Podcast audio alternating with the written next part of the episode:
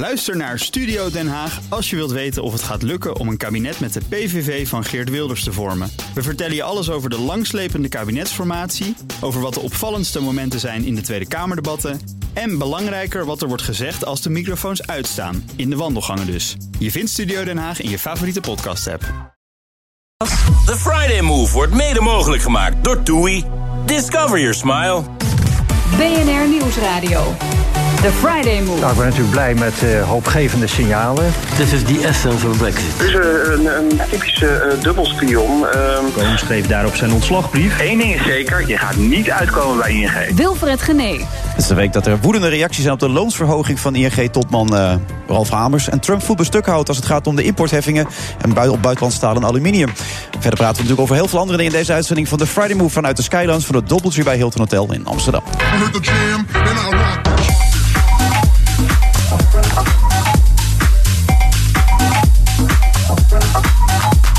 Victoria Koplenko is vanmiddag mijn co-host. Ze schrikt er bijna van terwijl ik het zeg. Voor haar nieuwste programma De Vrouw van Poetin uh, is ze helemaal naar Amerika, of naar Amerika, naar Rusland geweest om daar de presidentsverkiezingen te verslaan. En dan een opmerkelijke twist tussen Noord-Korea en Amerika.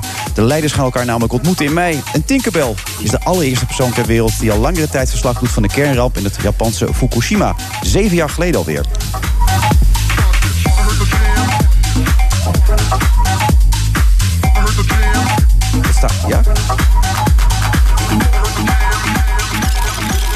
Nou, het is wel heel leuk dat, dat Victoria begint al tegen mij te praten zonder microfoon trouwens. Dat ik allerlei dingen verkeerd heb gezegd. Het is wel handig, uh, Victoria, als je een microfoon Waar, bij Waren we al in live? Okay, ja, we zijn live inderdaad. Ja. Je zei de vrouw van Poetin.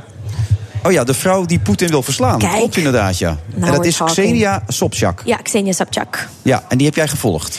Uh, daar heb ik uh, um, samen met Marieke Slinkert een documentaire over gemaakt. Uh, die 18 maart op de dag van de verkiezingen, de presidentsverkiezingen in Rusland, op de buis is, op NPO.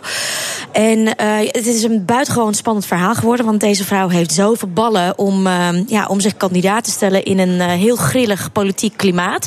Een pseudo-politiek klimaat. Ja, dat wil ik er even bij Want ze zegt, ja. ze zegt er ook meteen bij van... ik ga deze verkiezingen never nooit winnen. Want uh, u weet allemaal dat uh, uh, Poetin die wederom gaat winnen. Maar ik mik alvast op 2024.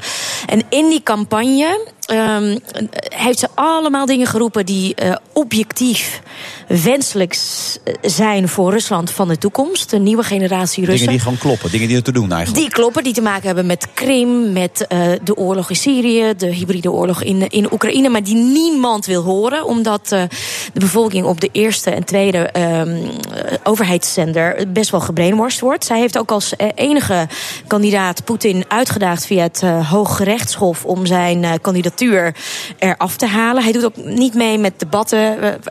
Overigens zijn het helemaal geen debatten. Uh, mensen krijgen zendtijd en dan gaan ze twee minuten hun standpunt verdedigen. Maar ze zegt, om tot mijn kiezers te kunnen richten, doe ik desnoods dit. Want officieel mag hij eigenlijk niet meer door, hè? toch? Dat nou is het ja, geval. de constitutie van Rusland gaf hem twee termijnen. Toen gaf hij het stokje door natuurlijk aan Medvedev. En later stak hij het ook niet onder stoelen of banken dat dat een afgesproken vriendendienstje was. Dat hij zijn stoel warm hield. Dat hij zijn stoel eigenlijk naar beneden hield, de klapstoel, totdat hij een termijn later weer uh, mocht zitten. Maar officieel is dat fraude. En daar komt zij. Uh, Tegen in opstand, door het er gewoon aan te kaarten. Ja, nou, wat haar nog spannender maakt is. zij heeft een carrière in de entertainment.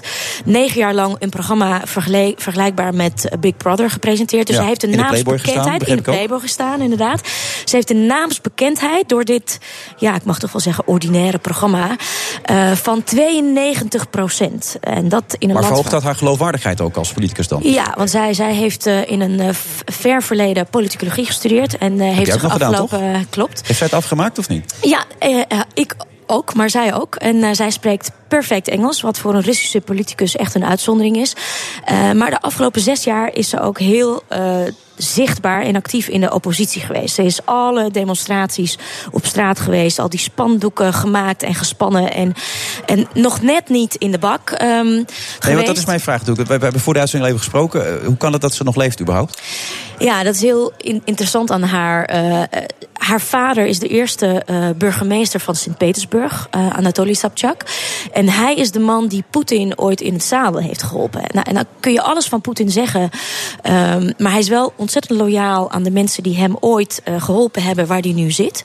Dus um, haar, de politiek strateeg van Xenia Sobchak heeft ons uh, voor deze documentaire ook verteld dat zij niet een license to kill, maar een license to stay alive heeft. Omdat, um, ja, omdat Poetin haar vader best wel veel verschuldigd is. Dus hij zelf haar, zal haar nooit.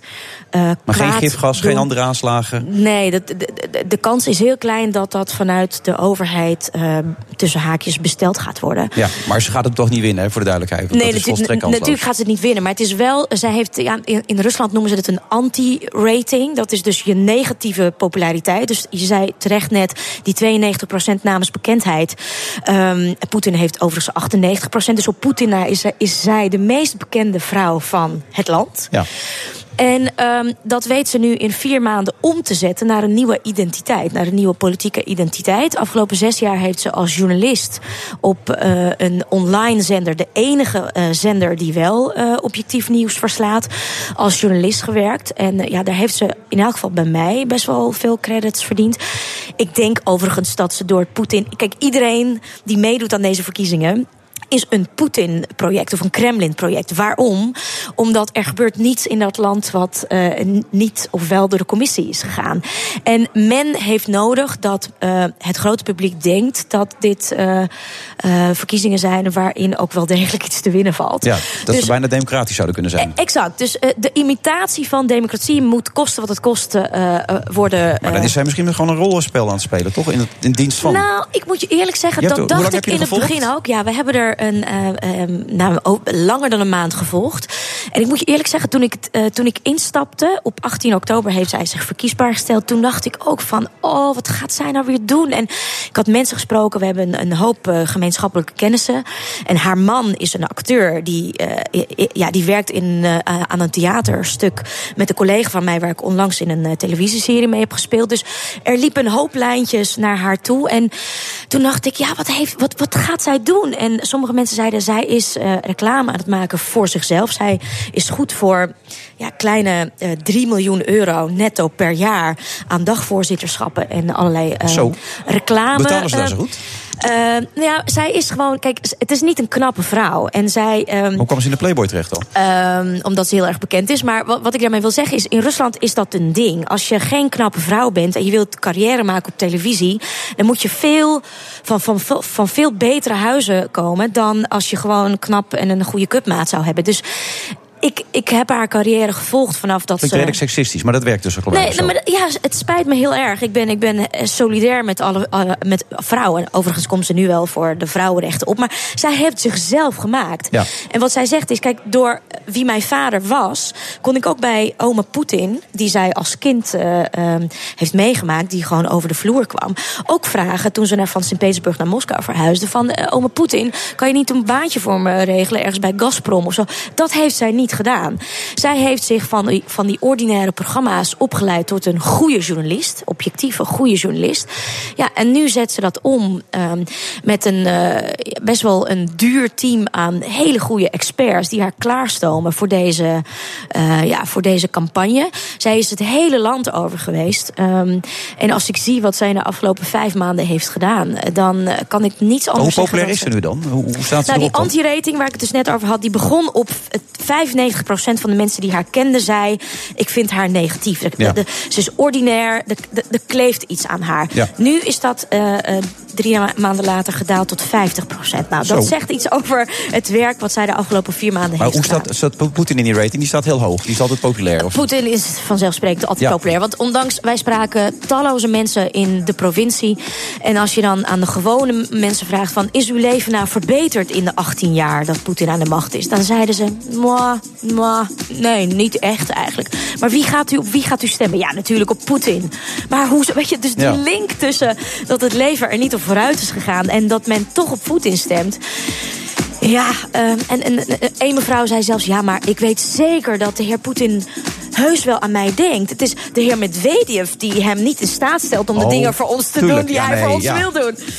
Het, het, het zit in je hart, hè, merk ik wel. Het raakt je echt, dit, dit onderwerp. Ja, weet je, het, het gaat me aan mijn hart dat er nog zo'n groot land is... met 150 miljoen mensen die niet weten dat ze gehersenspoeld worden. En helaas maar een heel klein gedeelte van de jonge generatie... die eh, of een dikke vette kruis door het stembiljet gaat stemmen. Dat zou ik doen als ik een Russisch paspoort zou hebben. Of op deze Xenia Sobchak gaan stemmen. Oké, gaat ook nog over Victoria Koblenko hebben, dat weet je. Oh, oh Ja. echt? Nee, dat je het even niet. weet. Ja, Oh. nee, absoluut. Maar dat doen we onder andere zo na de reclame. Vooruit.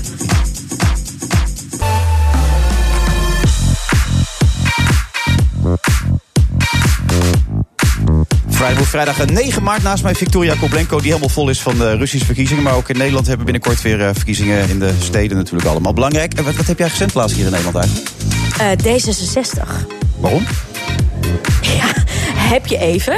Nou ja, niet zoveel tijd, maar ik was toch wel even benieuwd. Nou, ik moet wel eerlijk zeggen dat eh, het, het is waar dat je naarmate je ouder wordt steeds van eh, links naar rechts opschuift. En veel rechtser dan dit verwacht ik niet dat het bij mij wordt hoor. Maar ik, ooit toen ik nog studeerde, toen eh, begon ik bij SP en toen GroenLinks. En het is een keer PvdA geweest. En ja, intussen zit ik bij D66. Ja, dit, hier blijft het bij. Ja, nee, het wordt nooit VVD. Nou ja, zeg nooit nooit, maar nee. Nee, kijk, eigenlijk, ik heb me vorig jaar ingezet tijdens de verkiezingen voor een systeem dat we niet meer op partijen gaan stemmen. Want eh, de, de mensen die namens ons in eh, het parlement zitten, geven zelf toe dat die partijen eigenlijk helemaal niets meer van elkaar verschillen. En dat ze in die partijprogramma's heel erg hun best moeten doen om die partijen, partijprogramma's er anders uit te laten zien. Om te verhullen dat ze eigenlijk niks van elkaar verschillen. Oh, dat is wel een mooi onderwerp om dat even te bespreken met de man naast je daar zo meteen. Want eh, Tom van der Lee is aanwezig, namelijk, namelijk GroenLinks. Kijk. Trouwens met Laurens Boven samen ook. Meneer van der Lee, hey, kent u daar wat van? Mag ik Tom zeggen trouwens? Zeker, ja. ja, Jullie lijken allemaal zo op elkaar. Je kan eigenlijk niet meer een onderscheidend programma schrijven. Nou, ik denk dat de partijen in het midden inderdaad heel erg op elkaar lijken. Maar daar reken ik GroenLinks echt niet toe. Nee. nee. Vanzelfsprekend niet. Nee. Nee. Nee. En daarom doen jullie ook niet mee in het kabinet natuurlijk. Nou, we hebben echt een, een uiterste poging gedaan. We zijn echt heel ver gekomen. Maar eh, ja, er waren dan toch een aantal echt cruciale meningsverschillen. En je moet het met z'n vieren ja, echt samen willen. En ik had niet het gevoel dat met name het CDA deze combinatie zag zitten. En eh, dat bleek echt wel een obstakel. Ja, spijt van dat het niet gelukt is? Eh, nou, spijt, ja. ehm, het is, ik vind het echt zonde. Ja, ja. Ik, ik denk echt dat we voor Nederland veel meer hadden kunnen betekenen... als we met die vier partijen, partijen eruit waren gekomen. Oké. Mag ik daar iets over zeggen? Je bent er toch? Want ja, eh, eh, om even terugkomen, het, eh, ja, om terug te komen op die par- eh, partijprogramma's.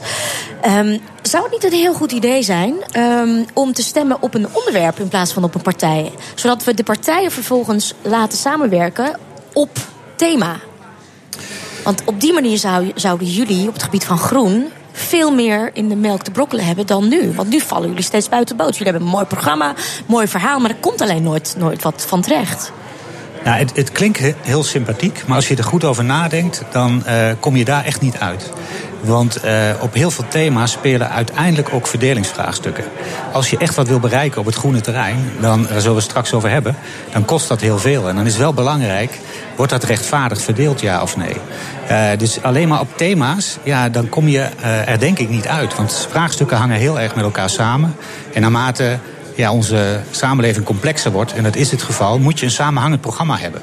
En je moet in de politiek eh, ook compromissen sluiten, ook als lid van een partij, maar samen sta je wel sterk. Dus je moet op een, ja, een geïntegreerde manier opereren. Ja, maar eigenlijk als ik, weet je, op het gebied van groen zou ik altijd op jullie blijven stemmen. Maar ik ben van jullie weggegaan omdat er eigenlijk nooit, weet je, omdat je merkt Dat het toch je- nergens toe ging. Ja, precies. Dus dan, eh, en, en dat is zo treurig dat je kan een mooi programma hebben, zoals ik al zei, maar Ja, ja. als je dat niet kan waarmaken, dan Ja, maar je kunt ook heel veel waarmaken in de oppositie. Als ik kijk naar het huidige regeerakkoord en de groene ambities... dan zijn die daar mede ingekomen omdat GroenLinks zo sterk is geworden. En op 21 maart gaan we in Nederland eh, lokaal kiezen. En de gemeentes hebben eh, voor een derde van alle CO2-uitstoot eh, echt invloed. En het maakt echt uit ook hoe je lokaal stemt. En GroenLinks bestuurt in veel steden. En we hopen straks in 100 gemeenten mee te kunnen besturen. En dan kun je ook van onderop heel veel beïnvloeden. Tom, goed dat je er bent. En voordat we erover gaan praten, ik zag je naam voorbij komen in het draaiboek. En toen dacht ik, hé, dus die man heeft zitten slapen bij Oxfam. Hoe, hoe, hoe vaak hoor je dat nog de laatste dagen? Eh, natuurlijk hoor ik dat eh, de afgelopen tijd veel. En eh, ja, ik kan daar heel kort iets over zeggen. Ik heb helemaal niet liggen slapen. Ik ben destijds ge- geïnformeerd over ernstig wangedrag. En ik dacht dat het fraude was. En collega's die over het humanitaire werk gingen, die, die hebben opheldering gevraagd bij Oxfam Groot-Brittannië. Ik heb daarover gehoord, het gaat niet om fraude. Maar het bleek om ander wangedrag te zijn. Eh, ik was daar niet van op de hoogte. Ik heb dat rapport destijds ook niet gehaald. omdat je zegt, ik heb er spijt van dat ik niet doorgevraagd heb. Ja, Wat- natuurlijk, wat zeker je- achteraf. Ja, Ja, ja, waarom ja. heb je niet doorgevraagd dan?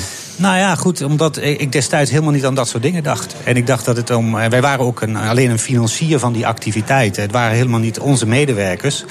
Uh, dus uh, ja, het kwam gewoon niet bij me op. En uh, ja, ik ben net als heel veel mensen heel pijnlijk verrast door ja, wat zes jaar later naar buiten is gekomen. Ja, met name ook omdat je in het verleden ook het adviseur was van mensen als, als, als Rozenmuller en Halsema, ook ja. in de mediaoptredens. Je ja. weet hoe gevoelig dingen kunnen liggen. Dan Zeker. heb je juist van iemand als jou verwacht dat je dan juist wat doorvragen, toch? Tuurlijk, tuurlijk. Uh, ik begrijp dat mensen dat van uh, ja, verwachten. En ik, ja. Uh, ja, goed, daarom heb ik ook mijn ja, ja, excuses aangeboden. Maar, en betreur ik dat ik niet heb doorgevraagd. Uh, maar goed, ja, soms dan komen dingen die bij je op. En uh, ja, dat, uh, dat is mij overkomen. Ja, Komt het ook als bij jou voor, Laurens, dat dingen die bij je opkomen? Dat ik niet doorvraag. Ja, daar Heb ik, ik heb er ook wel spijt van. Als ik dan een interview heb gedaan en ik denk van, dan zit ik het te monteren en denk van, hè, verdorie. dan heb ik die toch net niet goed genoeg Dan hoor ik Tom ook zeggen dat, er, dat door de inspanningen van GroenLinks het land duurzamer gaat worden. Want daarmee gaat nu ook het kabinet aan het werk vanwege ja, GroenLinks. De grote, ja, nee, de grote ironie is natuurlijk uh, dat, dat uh, GroenLinks niet in het kabinet zit. Um, en dit, deze regering, ze zeggen het van zichzelf, we zijn het groenste kabinet ooit. Maar um, daar kan je over twijfelen of dat echt zo is. Maar Wiebes, de nieuwe, staats, nieuwe minister van Economische Zaken, die begint een enorm project. Echt een megaproject. Ja. Het hele land, Honderden miljoenen lees ik ook Miljarden. Ja. Honderden miljarden.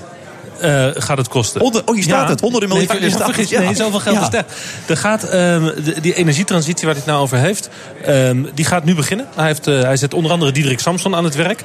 Um, en wat andere uh, mensen. Ed Nijpels zag ik ook. Ed Nijpels, ja, zeker. Ja, ja. Die, die, moeten er nu voor gaan zorgen dat het echt gaat gebeuren. Dat je echt in, over 12 jaar 50% minder CO2 produceert in Nederland. En over 32 jaar is een beetje nul. Ja. Uh, en dat mag dus inderdaad berg met geld kosten. Uh, heeft het over 1 tot 3 procent van het bruto binnenlands product. Nou, en als je dat uitrekent, kom je op 8 tot 24 miljard euro per jaar wat er moet worden geïnvesteerd. En waar gaat het in geïnvesteerd worden, Tom? Bijvoorbeeld, waar zou dat in moeten? Nou, uh, allereerst in uh, de transitie die de industrie moet doormaken. Want daar uh, wordt 40% eigenlijk van de CO2 uitgestoten.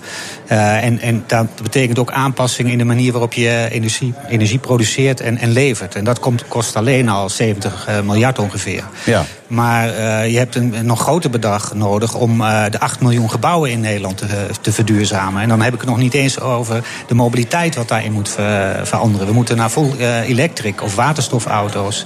En dan gaat het ook nog over de landbouw. We hebben krankzinnig veel dieren in Nederland. En dat is niet houdbaar, want het stoot er heel veel CO2, maar ook vooral methaan uit. En dat is nog een veel sterker broeikasgas uh, dan, uh, dan CO2. Ja, dan hebben we dus een VVD-minister van Economische Zaken. En wat staat er in zijn brief die hij vorige maand naar de Kamer stuurde? In 2030 kan je geen benzineauto's meer kopen in Nederland. Ja, nou dat heb ik tien jaar geleden. Toen, toen zeiden ze dat het in 2020 zou zijn. Ja, maar bij het vorige kabinet zeiden ze nog dat het uh, uh, zo'n beetje niet ging gebeuren. En nu staat het er wel in, hè? dat is al 12 jaar. Dus uh, mijn, mijn jongste zoon, die is vier, die zal nooit in een benzineauto rijden.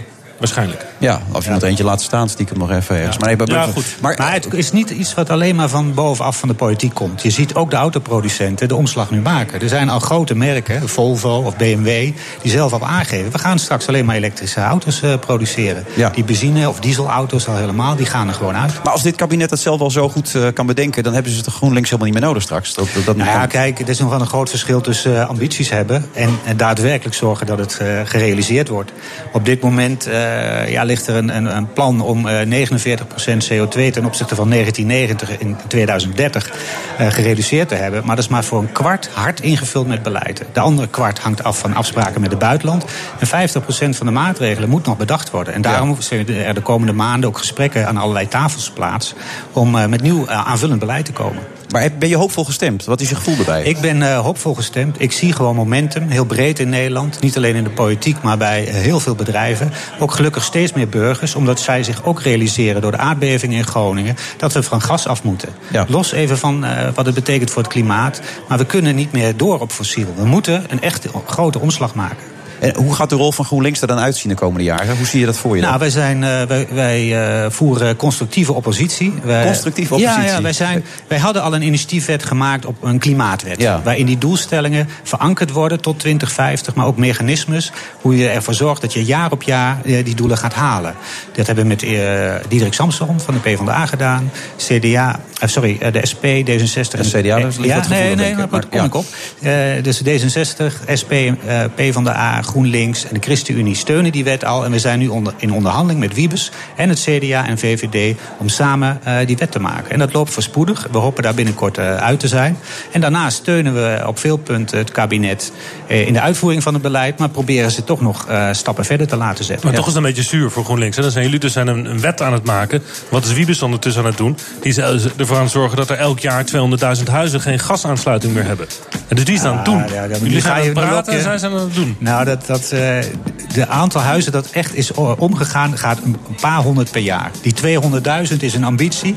En het is nog lang niet zover dat we dat gaan realiseren. En daar hebben ze ons echt heel hard voor nodig. En zeker straks in, in gemeentes. Dus stem GroenLinks 21 maart. Ja, in de gemeenteraadsverkiezingen. Maar jij, ga je het ooit nog doen? GroenLinks, als je dit zo hoort? Uh, dat weet ik niet. Uh, wellicht. Uh, ik heb een vraag. Misschien, ik, ben, ik ben heel erg bezig met duurzame mode de laatste tijd. En mensen stimuleren ja. om na te denken over wat ze kopen. En dat ze vooral niet te veel moeten kopen wat ze niet dragen. Ja. En um, ik meen me te herinneren dat Lilian Ploemen een aantal jaar geleden... Um, met ons, dus mensen uit de um, mode-industrie die hiermee bezig ja. zijn... voor een korting was, een btw-korting voor duurzame start-ups. Ja, ja. Ben je bereid om uh, ons daarmee te helpen, om dat te realiseren? Omdat Zo, dan word jij voor het blok gezet, Tom. Lekker nog nou, even. Nee, ja. kijk, ik, uh, wij hebben heel vaak al voorstellen gedaan om, om, om de BTW te verlagen voor duurzame producten.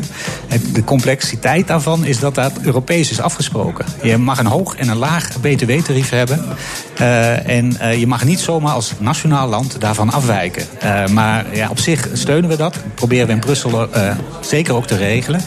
En als het gaat over kleding per jaar uh, onze kleding uh, stoot, nou, dat betekent 1000 ton CO2. Ja, ik weet het. En uh, ook in die kledingindustrie valt nog heel veel te verbeteren. Zo, nou, misschien moet je even doorpraten zometeen. Ton van der Leef, sowieso bedankt dat je er was, GroenLinks. Graag gedaan. jij blijft nog even hangen, begrijp ik, Laurens. Ja, je hebt nog hier ja. een meetingje volgens mij klaar dat je nog even kwijt Ik heb een heel verhaal nog te vertellen over ING en, en, en Rutte. Komt ja, straks. dat wil jij graag, hè? Ja, dat zie ik aan jou. Nou, dan spreken we jou zo weer. Tot zo. BNR Nieuwsradio.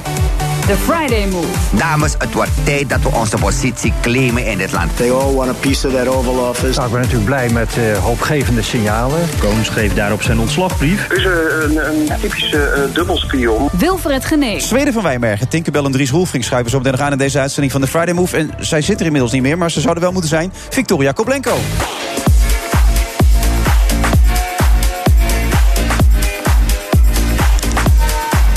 Dat allemaal vanuit de Sky Lounge, het Doubletree bij Hilton Hotel. U kunt langskomen, we hebben al heel veel mensen gedaan. Afgeladen vol zoals gebruikelijk. En de DJ is natuurlijk bekend, DJ Thomas Robson.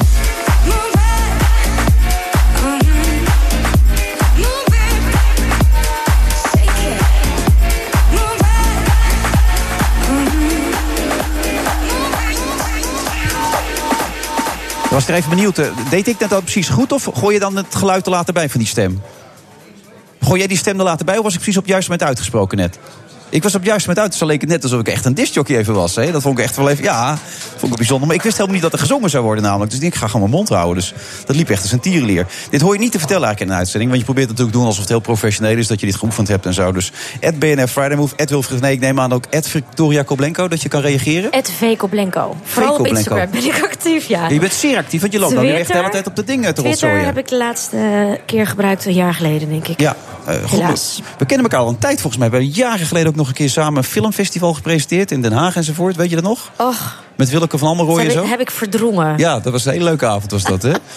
Kunnen misschien straks even doorgaan. Maar wat ik zo leuk vond, ik las in de laatste de Libelle over het, de geboorte van je zoontje. Dat je zegt, ik ben buigzamer dan ik van mezelf had verwacht. Ik ben milder geworden en niet zo zwart-wit. Ik denk, nou, dat kan niet waar zijn. Dat is, een, dat is een foutje dit, of niet? Heb je dat niet bij je eigen vrouw meegemaakt? Uh, nee, ik, ik dacht dat je het over mezelf Iraanse, zou zeggen. toch? Ja, ze is Iraans, ja. En, en dus ook pittig? Moi, ja. Nou, de, de, ik, ik vind het gewoon mooi dat wat het moederschap met je maakt. Dat je met je, je scherpe hoeken kwijtraakt. Scherpe kantjes. Ja. Ja.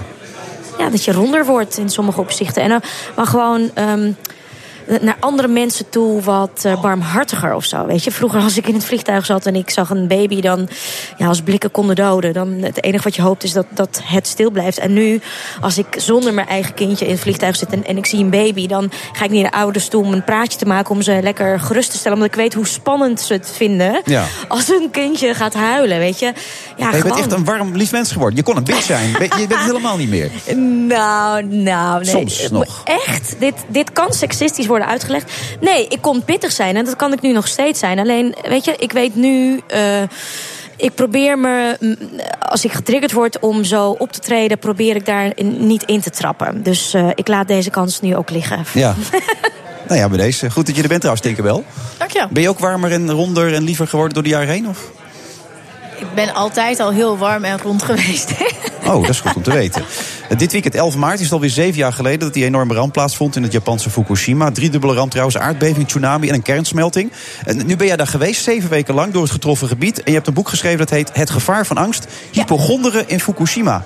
Hypochonderen? Hoezo? Nou, uh, heel veel mensen denken dat er uh, heel veel slachtoffers zijn door de straling in Fukushima. Dus dat er mensen zijn overleden en mensen ziek zijn geworden door de straling. En dat is niet waar. Er zijn nul doden. En voor zover we weten, nul zieken. En door de straling, echt waar? Ja. En uh, er is ook geen reden om aan te nemen dat dat verandert. Ik bedoel, het is nog maar zeven jaar, dus het zou in theorie kunnen. Maar de, op dit moment zijn er geen, is er geen aanleiding om iets anders aan te nemen. Maar er zijn wel heel veel mensen overleden. Omdat ze zo bang werden van de straling. dat daar heel veel stress door ontstond. En daar zijn ze door dood gegaan.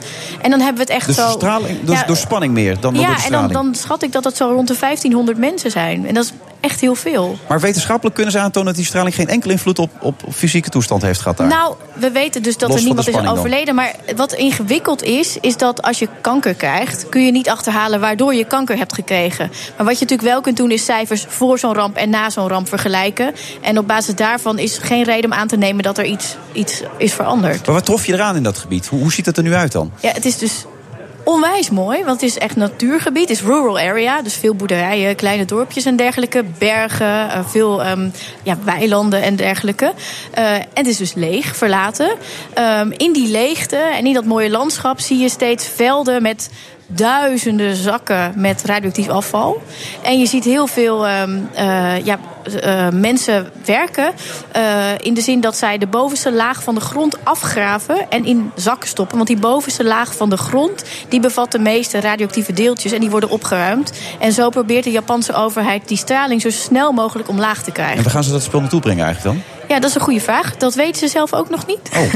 Ingraven, want dat deden ze bij Tsjernobyl. Ja, ja dat, dat... Want heeft jouw vader uh, geholpen, ja. toch, met schoonmaken? Ja, ik wilde daar net iets over zeggen. Over, weet je, dat er geen mensen zijn overleden. Maar uh, bij het splitsen van uranium, uh, de gevolgen daarvan... die openbaren zich pas ja, tussen de 15 en de 25 jaar na dat een ramp zich heeft plaatsgevonden. Er zijn allemaal verschillende soorten stralingen. Dus dat is ook uh, ingewikkeld, zeg maar. Dus ja. nogmaals, er is nu geen reden om aan te nemen dat. Maar, jou, maar jouw er zijn... ouders wilden geen tweede kindje nemen daarom, toch? Dus dat, dat, dat klopt. Maar... Er zijn wel twee hele grote verschillen tussen uh, Fukushima en Tsjernobyl. En het eerste is dat uh, toen die ramp in Tsjernobyl plaatsvond... heeft de Russische overheid tien dagen gewacht met tegen mensen zeggen... oh, misschien is het een goed idee om toch maar weg te gaan. En in Japan zijn mensen echt binnen een uur uh, geëvacueerd. Ja. En Tsjernobyl is natuurlijk in het midden van een continent. Dus die stralingsdeeltjes kunnen overal naartoe. En Fukushima Daiichi ligt aan de kust. Fukushima Daiichi is de naam van de centrale. en de wind stond zo dat de meeste stralingsdeeltjes de oceaan overwaaiden. En die zijn in de zee beland. En dan verspreiden ze zo dat het eigenlijk geen kwaad meer kan. Oké. Okay. Dus dat is mazzel. Maar hoe is dat voor jullie geweest dan? Ik kan me voorstellen dat het juist een hele heftige. Ik was vijf toen dat gebeurde, dus ik kan me daar niet zoveel van herinneren. Maar uh, uh, destijds in de Sovjet-Unie uh, was elke man dienstplichtig. Dus ook mijn vader. Dus mijn vader is op een nacht van zijn bed geteeld. En die werd geacht om mee te doen met het opruimen. En het is wat je zegt. Zij, er was heel weinig informatie over wat er precies gebeurd was. de bedoeling was ook dat er shifts met mannen. Um, elke week uh, zouden worden afgewisseld. En de shift, bij, bij de shift van mijn vader hebben ze besloten dat het maar beter was om een shift drie maanden lang daar te laten zitten. Want stel je voor dat ze besmet zouden raken en dus uh, ja, kans hadden op uh, ja, fatale, um, fataal resultaat. Dat je maar beter een klein gedeelte van de mensen daarmee kon besmetten dan um, een groot gedeelte een, een beetje. en mijn vader heeft vaak verteld dat hij van dat de ochtends tot s avonds ja. dus de bovenste laag van de grond moest uh, omschoffelen. Omdat um, ja, met de neerslag daalde de.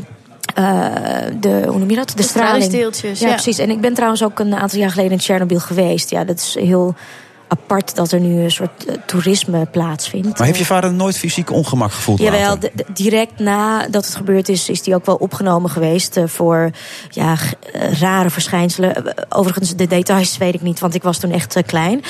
Maar ja, het is wel een tikkende tijdbom, omdat je niet weet wat, wat en hoe. En mannen kregen destijds ook vanaf hun 45ste een pensioen toegewezen voor de mannen die daar geweest zijn. Maar vele van zijn eh, companen die toen mee waren geweest, die zijn niet meer in leven. Nee. Eh, en, Dus de kans dat als dat Nou ja, onderzocht wat ik daar wel even over wil zeggen is, want ik, ik moest eh, in januari al ergens een lezing hierover geven. En toen zat er een man in de zaal, was een, een communicatie-expert, die eh, naar Tsjernobyl is gegaan na die ramp. En daar heel lang onderzoek heeft gedaan. En hij vertelde dat daar eigenlijk hetzelfde had plaatsgevonden als wat nu in Fukushima aan de hand is. Dus dat er heel veel mensen in het ziekenhuis kwamen met allerlei klachten. Die zij ehm, eh, meteen ja, weten aan die straling. Maar dat dat toch ook een vorm van hypochonder is. Maar hypochonder is natuurlijk niet per definitie dat jij niet echt ziek wordt of niet echt iets voelt. Want maar je de kunt- angst voor. Door, door de angst kun je ook echt ziek worden. Hoe en daar gaan er mensen zelf ook aan dood. Had je zelf nergens last van Ja, ik ben gewoon een beetje een raar geval. Ik ben, niet, ik ben niet zo bang voor dingen. Dus ik was daar helemaal niet zo heel erg mee bezig. Ik was vooral bang voor enge spinnen die daar zaten. Ja. Ehm, ik, dus maar, ja, dus, eh, maar ik, ik, ik ben niet eh, gemiddeld daarin. En dat weet ik zelf, van mezelf. Ehm, eh, dus, dus dat heb ik niet zo, nee. Maar de, de mensen die je daar spreekt, hoe, hoe gaat het daar nu mee dan? Want ik probeer me dat voor te stellen. Je moet je leven weer oppakken voor de mensen die er nog zijn. Want het is bij iedereen vertrokken daar. Dus, dus, eh, Ja, ja iedereen is, is, is vertrokken. Ehm, het gebied wat is eh, geaffecteerd is, is verdeeld over drie zones. Dus zone 1, 2, 3. Zone 1 is de buitenste ring. Zone 2 de, binnen, de, de middelste. En zone ehm 3 is de red zone of no return zone. Zone 1 is binnen ongeveer anderhalf jaar na de ramp vrijgegeven. Dat betekent dat eh, mensen terug konden keren. Dat is niet verplicht, mensen konden terugkeren. Eh, zone 2 is sinds een klein jaar weer vrijgegeven. Daar heb ik ook geslapen een paar weken. Ehm, en zone 3, red zone. Ja, de prognose is dat het nog 20 tot 30 jaar kan duren voordat mensen daar weer kunnen gaan wonen. Ehm, en ja, de Japanse overheid wil heel graag dat mensen teruggaan. maar gebeurt het ook in grote getalen? Of? Nee, nee, bijna niet. Nee, bijna niet. En op papier is het zelfs nog iets meer dan in het echt. Omdat als je teruggaat, krijg je een soort van subsidie eh, om je leven weer op te bouwen. Ehm, en ja, maar het is echt bijna niet. Maar het is echt leeg. Dus je hebt eh, hele wijken die zijn nieuwbouw. Wow. Leeg. Ik ben er trouwens ook geweest hoor, vlak voor de ramp. Eh, Ik ben er naartoe gereden vanuit Amsterdam. Gereden? ja, naar Tokio. Dat, Tokio? Ja, dat is een eiland, hè? Dat weet je. Maar je- je- Ja, ja, We, zijn we zijn ook door heel Rusland en dan van Vladivostok met eh, de boot naar Oh, Zuid-Korea. ja, ja, ja. Oké. En toen met de boot naar. eh, ja? Ja, nou ja, komende zondag eh, organiseer ik een programma in de Bali. Dan is het elf jaar, of dan is het zeven jaar geleden na de ramp, dus 11 Ja. maart. Eh, en dan gaan we heel uitgebreid vertellen over nou, wat is nu de status en wat is nu, hè, wat denkt de wetenschap ervan, hoe Ja, kijkt want de Greenpeace communicatie. is heel erg negatief erover, toch? Over die hele straling daar. Greenpeace heeft net eh, vorige week een bericht uitgedaan over een dorp wat ook in die zone 2 ligt. En daarvan zeggen ze, ja, de straling is daar 100 keer hoger dan is toegestaan. Dat is echt totale nonsens. Het enige wat zou kunnen is dat ze misschien ergens in een bloempot of zo, in bloempotten, die worden niet schoongemaakt, daar Nee. is de straling hoger. Dat ze ergens een, een hoge straling hebben gemeten. Maar gemiddeld gezien eh, zit je daar tussen de, nou ja, het is technisch van 0,17 en 0,23 microsievert per uur. Dat is lager dan hier in Nederland. Oké, maar wat jij zegt, ze overdrijven allemaal een beetje. Ze vertellen maar een stukje van, de, van het verhaal, zeg maar. Ik, ik ben, wat ik interessant vind en wat ik belangrijk vind ook om te zeggen... is dat, het is natuurlijk zeven jaar geleden... er zijn heel veel mensen die hebben verslag gedaan al... van Fukushima na de ramp, et cetera. Maar ik ben de eerste ter wereld die er langer dan een paar uur is geweest... en daar verslag van doet. Ja. En dat betekent dat al die journalisten en verslaggevers... een hit and run hebben gedaan. En op basis van een paar quotejes en verhalen die ze al hebben gehoord... eh, verhalen hebben gemaakt... En die kloppen voor een groot deel niet. En dat is wat ehm, Greenpeace volgens mij ook heeft gedaan. En eh, dat is heel jammer, want daardoor creëer je nog meer angst. En eh, daar maak je eigenlijk die ramp veel groter van. En dat is, ja, dat, dat is heel erg. Hoe voel je nu? Ik voel me prima. Dus je kan het boekenbal ik ga, meteen. ik ga zo, ja, mijn haar zit al helemaal Alles eh, zit goed. Ja, Dus je kan gewoon ook drinken en ik zo, ga geen lekker probleem. dansen zo, ja. Nou, veel plezier. Thanks. Goed dat je er was, Tinkerbell. Zometeen Bernard Hammelburg. Hij is weer terug. Jawel even.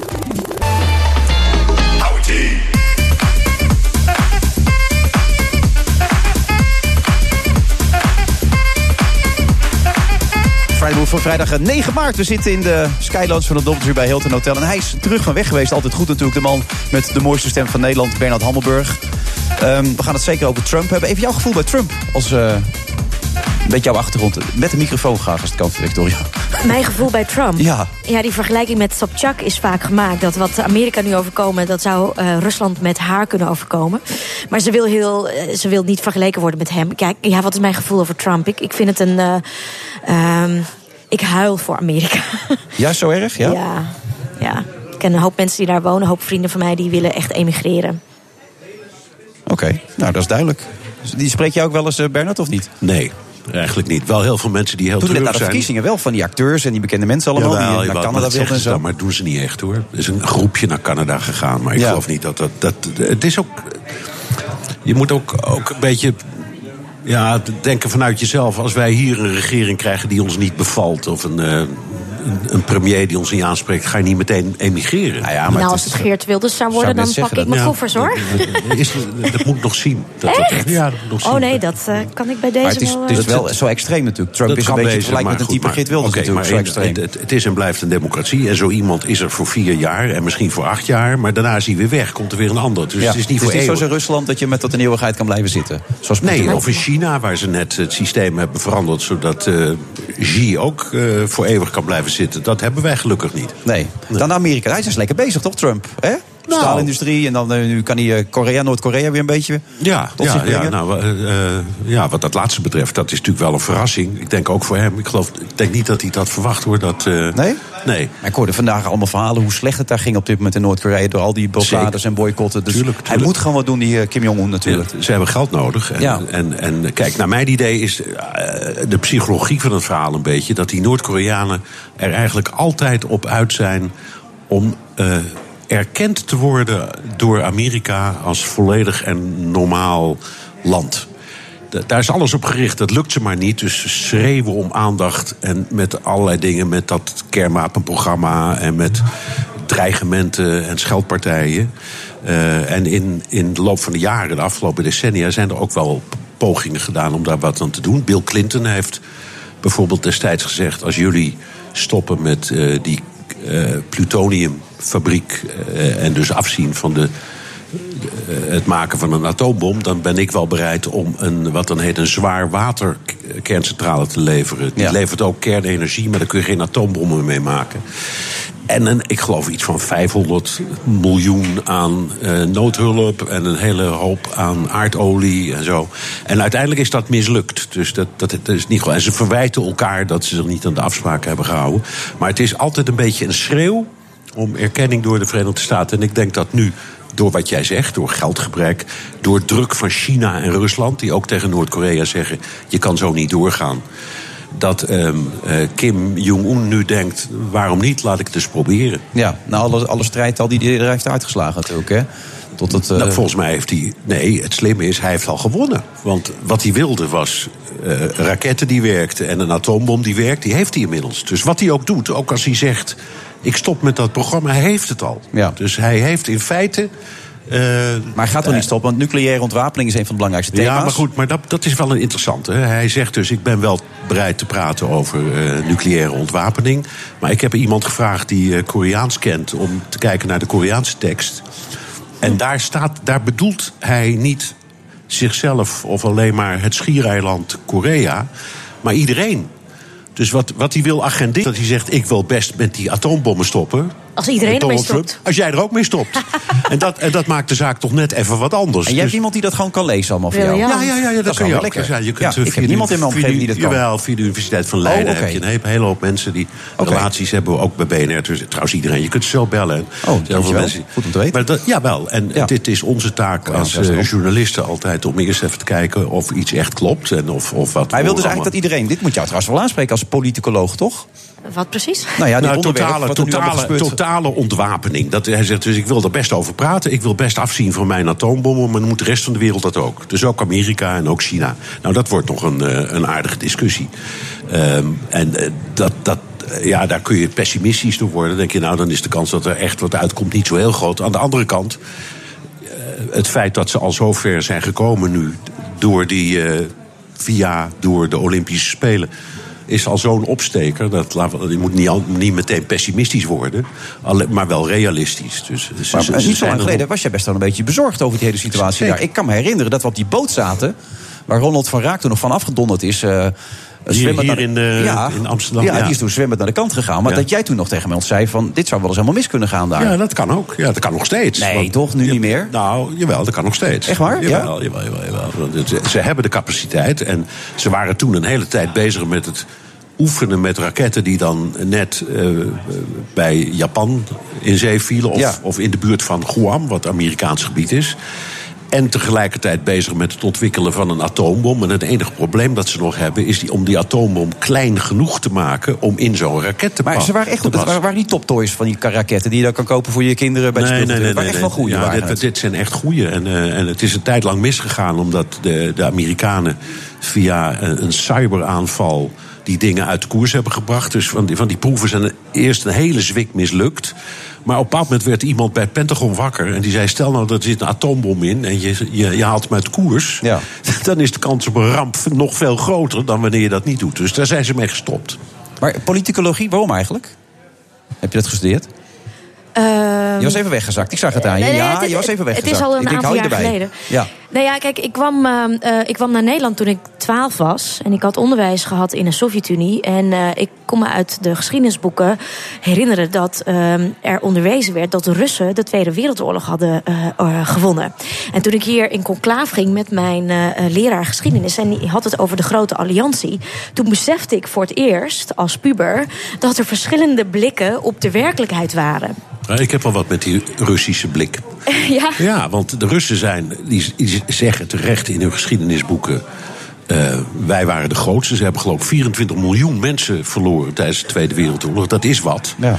Eh, de slag bij Stalingrad is absoluut de omkeer geweest in de Tweede Wereldoorlog. Als dat niet was gelukt, dan had niemand gewonnen. En de geallieerden, zoals wij noemden, die worden in eh, de Russische geschiedenis het Tweede Front genoemd. En daar, daar zit ook wel wat in, omdat de Russen redeneerden en nog steeds redeneerden, ja. Eh, na Pearl Harbor en toen het eenmaal niet, niet meer anders kon, toen moest dat Westen wel wat. Dus die zijn uiteindelijk maar mee gaan doen. Dat is niet helemaal eerlijk en dat is ook niet terecht. En wij zijn hier in Amsterdam bevrijd door Canadezen, niet door Russen. Maar het, het, het, het is een feit dat de grootste klap is gegeven door de Maar dat Russen. heeft En wel- Ze verdienen hun plaats in de geschiedenis. En het is, eh, vind ik helemaal, het is terecht om daar eens op te wijzen.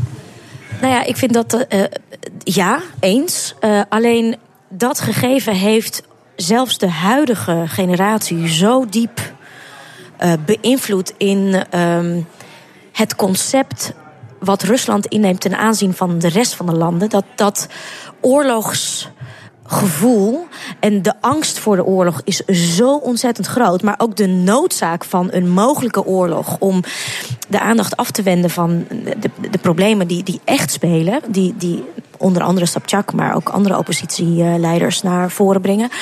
Ehm, maar ook als ehm, acteur. Ik heb afgelopen jaar daar een serie gemaakt. En in geen enkel ander land wordt zoveel drama gemaakt. nog steeds over de oorlog. In, in, in, in Rusland. Maar er wordt gecultiveerd om die angst gewoon groot te houden... zodat de mensen luisteren naar hun leiders. Ja, maar ook omdat dat het enige lijkt waar, waar het land trots op kan zijn. En dat is zo treurig. Dat fatalistische, dat, dat is er niet uit te slaan. En dat, Nou, ja, het gaat ook over eh, solidariteit.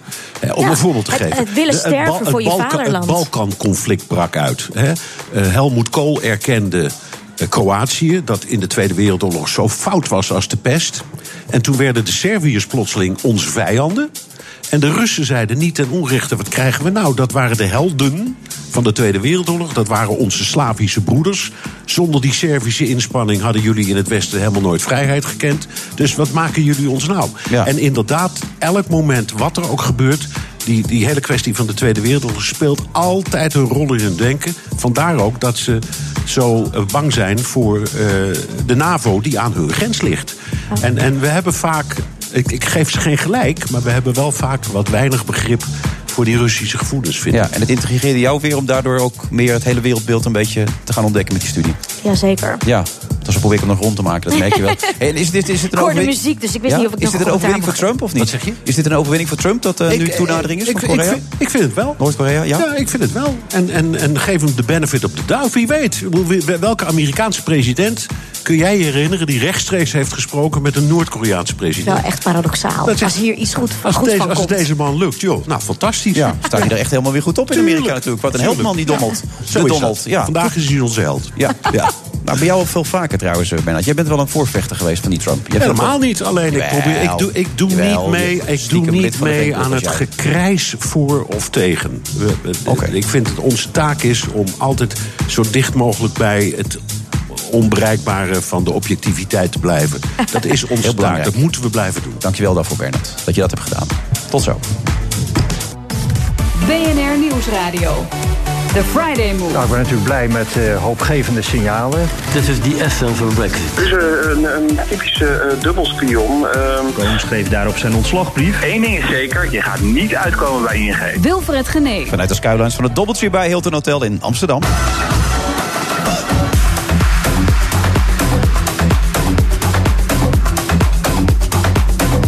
Victoria Koblenko reisde samen met de vrouw die Poetin wil verslaan... bij de presidentsverkiezingen door Rusland. Ze komt er alles over vertellen. Dat heeft ze ook al een beetje gedaan, want ze zit er vol van. En tot half zeven is ze mijn co-host. En het is oorlog in taxiland. Taxichauffeurs plannen een aanval op het hoofdkantoor van Uber.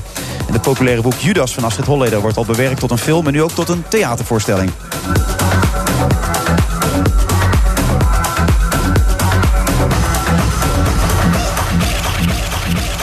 Je zei, als ik een Russisch paspoort zou hebben... dan zou ik uit allerlei dingen mogen... Maar je hebt geen Russisch paspoort meer, begrijp ik. Je hebt Nee, nee, alleen- nee. Ik heb, eh, mijn, mijn ouders zijn dus vertrokken uit de Sovjet-Unie.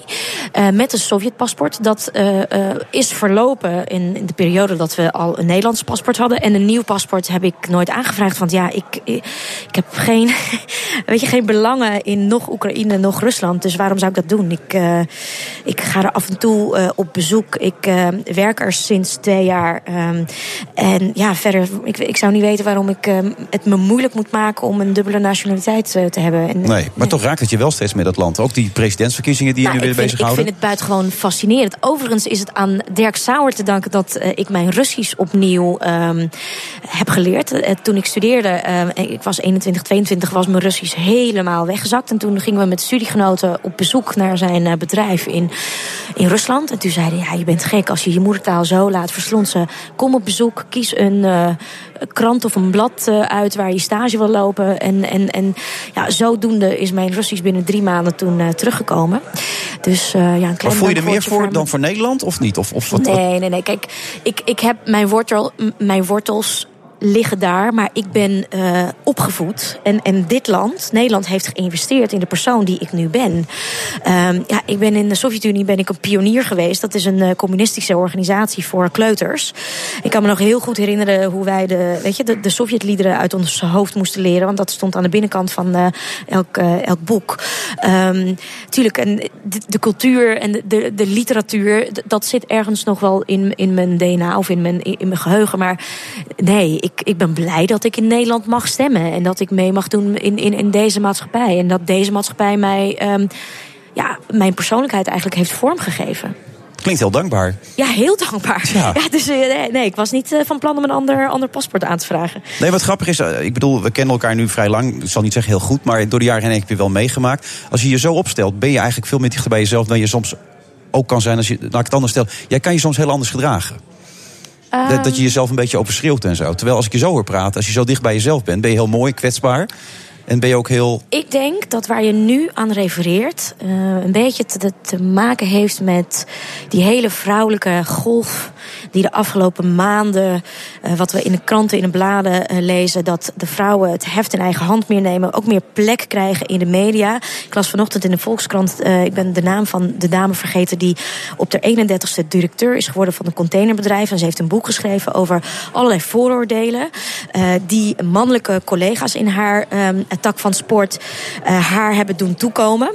Ehm, en ik heb het idee dat eh, enkele jaren hiervoor, door eh, het feit dat ik actrice ben, ik net iets te vaak heb, mij heb laten uitlokken om te bewijzen dat ik niet in een bepaald hokje uh, ge. Maar werd je daardoor uitgelokt of deed je het zelf? Ik bedoel, dat Nou, is natuurlijk wel de, de, de ik, ik, eh, ik trapte in. eh, Kijk, het werd me als, als mijn vraag werd, werd gesteld. kijk, wat heel vaak gebeurt is. ehm, ik ben ooit gaan studeren niet omdat, omdat ik bij de VN wilde werken. of weet je, bij een organisatie die internationaal iets, internationaal iets in de melk te brokkelen had. En op een gegeven moment toen was ik afgestudeerd. had ik het idee van ja, ik ben daar te uitgesproken en te creatief voor. En, en, en mijn emotionele kant was toen niet zo heel erg ontwikkeld. En toen ben ik gaan acteren. Eh, overigens ook om mijn studie te betalen Ja. destijds. Maar ik voelde dat die wetenschappelijke en die statistische kant... eh, eh, ja, die was ontwikkeld. De, boekenworm, de nerd. Maar de, de eh, creatieve kant nog niet. En daar was het acteren heel erg goed voor bedoeld. Maar ik merkte dat naarmate ik meer ging acteren... dat mensen mij steeds minder ehm, serieus eh, namen... op het moment dat ik eh, iets... ehm, mijn mening Dacht je dat of was het zo? Ehm, ja, weet je, het is altijd perceptie. Het is, ik kan niet voor andere mensen spreken, maar ik, op dat moment was dat voor mij zo. Dat was dus jouw waarheid en nu is het anders, begrijp ik. Nee, hoe voel je je nu zitten dan? We, nu zitten we in een andere tijd. eh, omdat, eh, weet je, omdat ik het idee heb, nogmaals, dat we op een soort vrouwelijke energie nu eh, varen. O- of dat die energie meer zichtbaar is in de media. Dat, en dat, dat was een enkele jaren geleden voor mijn gevoel niet zo. Het is vrouwvriendelijker geworden of, of is het niet de juiste omschrijving? Ja, misschien wel. Dat vrouwen ik, meer ruimte krijgen of ruimte nemen. En misschien ook minder de behoefte hebben om, eh, om zich te verdedigen. En, en ja, dat is bij mij, eh, toen ik stopte met goede tijden, was bij mij ook. eh, je mensen kenden mij van een soap. Ik was daardoor op straat eh, best wel bekend. En ik wilde heel graag nieuwe dingen doen. En ik wilde dat mensen mij op straat aanspraken met mijn eigen naam. In plaats van met de naam van mijn personage. En het was toen een strijd. Overigens niet de strijd die ik heb kunnen winnen. Eh, maar goed, dat was voor mij Maar toen. je wilde serieus genomen worden, dat was ook een punt, toch? Nee, ik wilde toen gewoon niet in een hokje gestopt worden. En dat is denk ik eh, ehm, het- recht van iedereen, weet je. Jij bent een, een presentator van een programma wat vaak kritiek krijgt... dat ze niet echt Homofoob, vrouwen... seksistisch, Ja, weet je. En, en, en, en, racistisch. eh, jij laat je niet uitlokken door je daar steeds over te verdedigen. En, en dat is denk ik iets wat mannen zich, eh, wat, wat, vrouwen vaker zouden moeten doen. En waaraan ze een voorbeeld zouden moeten ne- nemen bij mannen. maar je zit goed in je vel, dat is eigenlijk de conclusie die ik nu mag trekken. ja, toch? Ik ben, eh, ik ben eh, ouder geworden. En Ja. ja. weet je, het, het was, zou ik het zeggen, men zegt vaak dat een vrouw moeder moet worden voordat ze bepaalde eigenschappen in zichzelf kan vinden. En bij mij is dat proces naar moeder worden nogal ingewikkeld en lang geweest. Ehm, en ik ben heel erg blij dat dat gelukt is, want het heeft me heel erg veel gebracht. Ja, dat je buigzamer bent geworden dan je dacht. Minder zwart-wit, milder. En Maar, de- maar dat we daar nu, ik voel me echt gegeneerd dat we het daar nu met mij over moeten hebben. Nee? Werkelijk waar. Ja, gewoon omdat, Omdat ik dat. denk, eh, Victoria, ik bedoel, wat ik al zeg, zo goed ken ik je niet. Maar ik denk dat jij met jouw kwaliteit echt inderdaad nog tot heel veel dingen in staat bent. Dat je te lang bezig bent geweest om voor jezelf te laten zien. Laat mij maar even zien wat ik kan. Terwijl het helemaal niet nodig is. Want je kan het gewoon. Dat is het idee erachter volgens mij. Je wordt er onhandig van. Nee, ik word er een beetje verlegen van. Ja, ja. Ik vind het echt, nogmaals, het is gênant dat we zo lang over mij moeten hebben. Nou ja, jij bent de co-host vandaag. Dus je bent in dat zekere zin de hoofdgast. Dus ja, daar gaan we het er zeker even over hebben. Maar als je het niet wil hebben, dan, dan kan ik wel zeggen dat we het niet gaan doen. Maar dat gaan we toch nog weer doen zometeen. Dus zometeen na de reclame gaan we gewoon verder. Tot zo.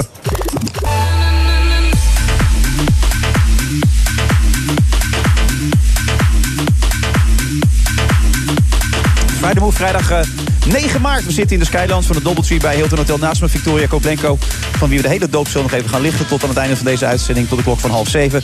Zal er nog van alles en nog wat over deze dame voorbij gaan komen. Maar belangrijk, jij zit met die telefoon steeds. Heb je ook een Uber-app ook? Want ik heb Uber namelijk geblokt toen ik hoorde dat zij eh, Trump eh, sponsorde. Is dat zo?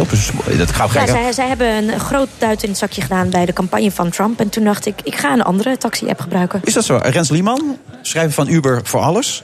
Is dat waar?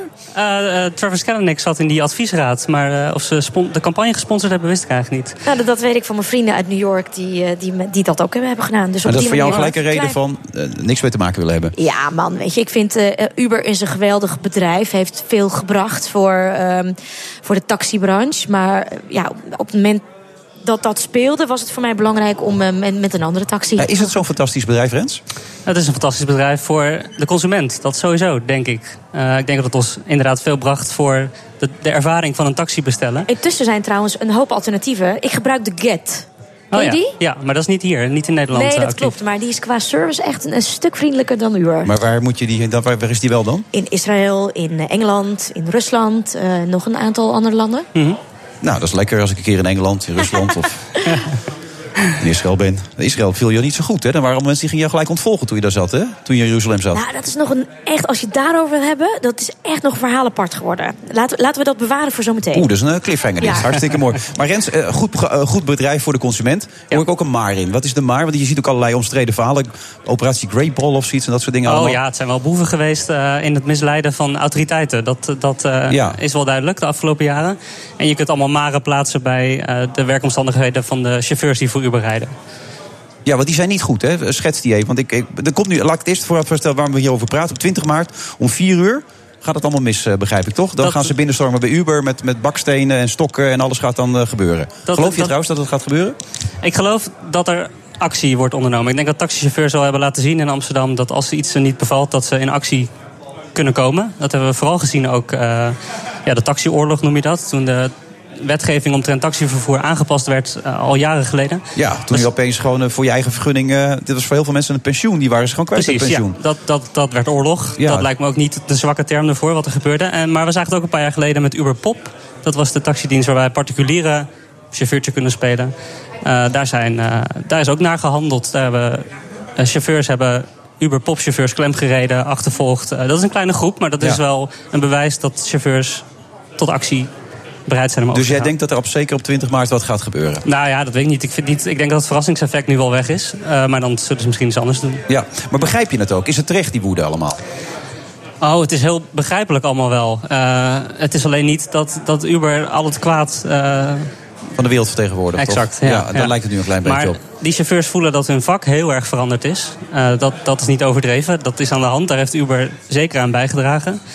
Ehm, dus ja, ik, ik denk dat het begrijpelijk is dat ze boos zijn. Ze zijn ook boos dat ze zien dat Uber heel erg werkt aan een zelfrijdende auto. Dat maakt hun hele beroep overbodig. Dus het is allemaal wel begrijpelijk waar de woede vandaan komt. Of je het ermee eens bent, dat is een tweede. Nou, dan begrijp ik van die chauffeurs die niet bij Uber werken, die boos zijn. Maar er zijn ook heel veel Uber-chauffeurs die niet erg gelukkig zijn, begrijp ik. Maar waarom Ja. is dat? Nou, de boosheid bij hen ligt vooral in de commissie. Uber pakt een kwart van elke rit. Dat vinden ze te hoog. Tenminste, de, de mensen die boos zijn vinden dat te hoog. Eh, je ziet ook dat chauffeurs heel erg overgeleverd zijn naar de technologie die Uber ontwikkelt.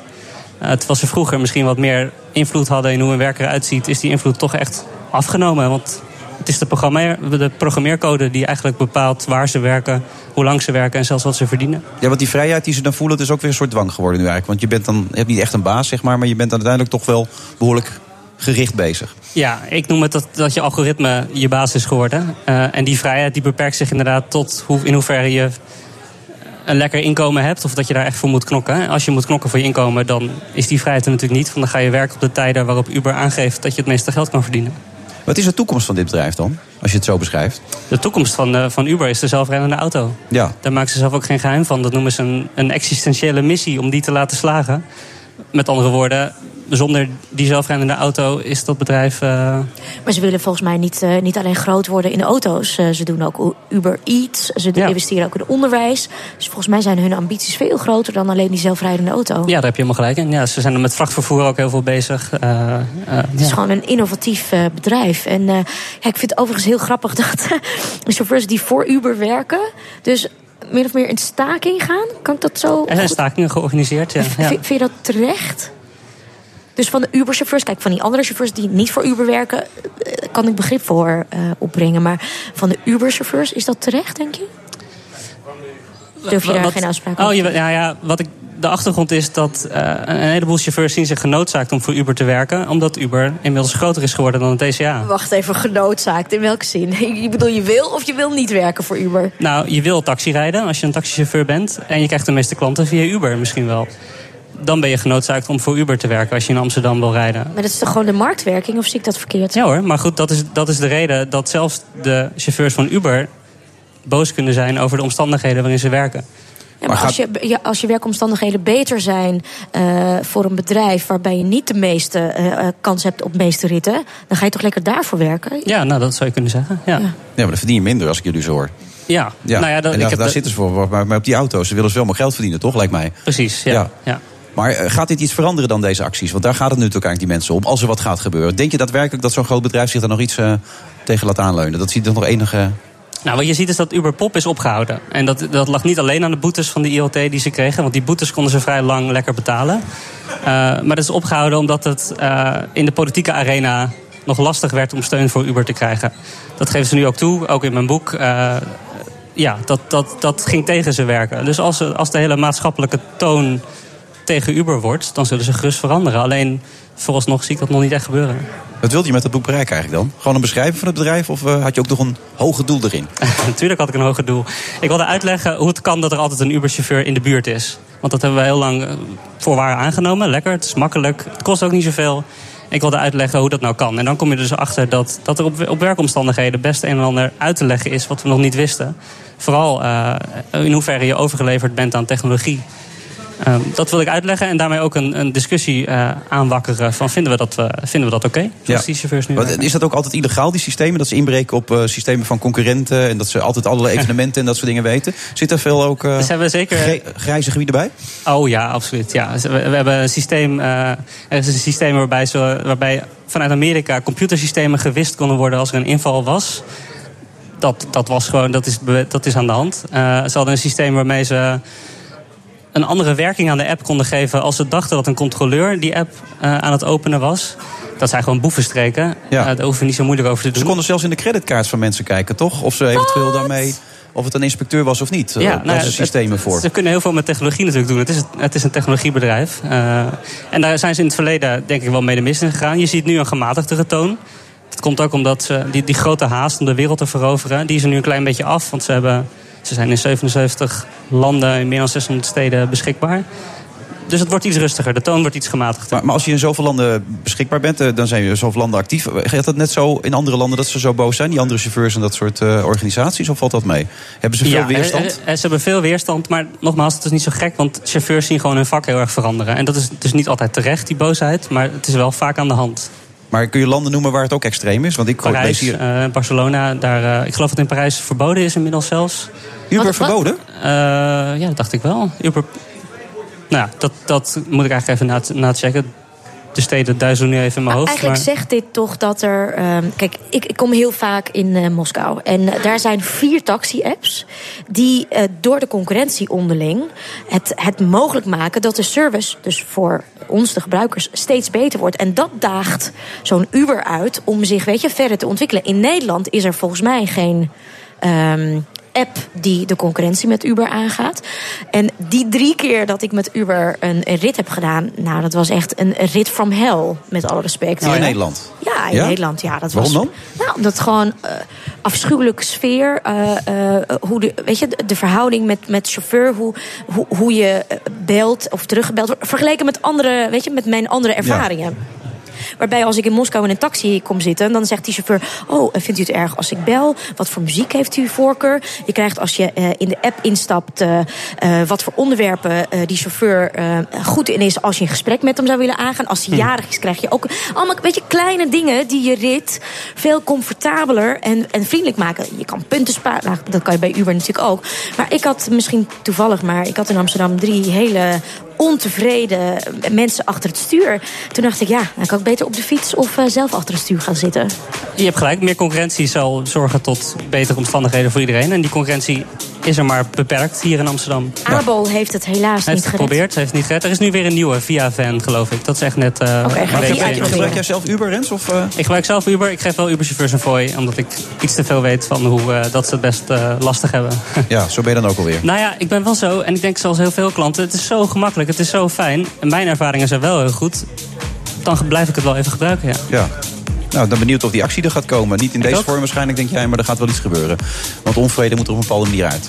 Maar om nou een kantoor Ja, te gaan ik bestormen... denk dat we daar nog niet vanaf zijn. Bakstenen en eh, slokken, dat gaat wel ver en allemaal. Het gaat zeker ver. Uber voor alles. Rens Lieman. Yes, dankjewel. nou, we gaan het zien de komende jaren. Bedankt. Jo. BNR Nieuwsradio.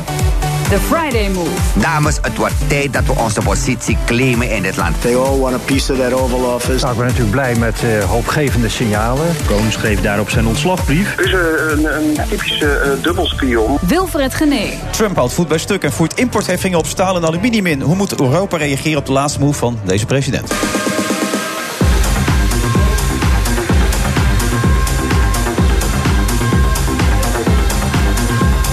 Hoort het allemaal in deze uitzending van de Friday Move Live vanuit de Sky Lounge voor Doubletree bij Hilton Hotel in Amsterdam. U kunt langskomen, hebben ongelooflijk veel mensen gedaan. Ik lul uit mijn nek, ik weet het. Maar ze zitten er wel allemaal. Kom gerust langs.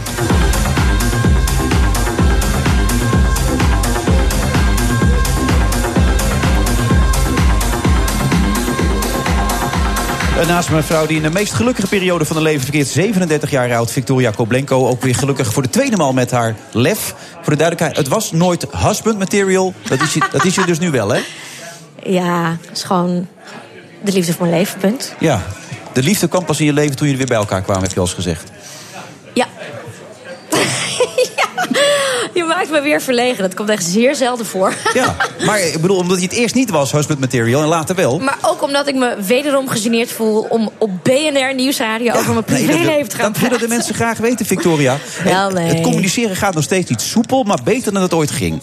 Toch? Is dat op, klopt dat? Ja, nou ja, weet je, communicatie tussen man en vrouw is, is een kunst aan zich. Ja, eh, absoluut waar. Komen wat dat betreft echt wel van andere planeten. Maar ik ben Ja. blij dat we het onder, Ja. ondertussen wel onder de knie Maar hij heeft van hebben. zichzelf gezegd dat hij niet empathisch is. Dan is het best lastig om met iemand die niet empathisch is... toch die communicatie op te starten. Maar dat lukt je steeds beter. Ja, En daar zorgt Key voor.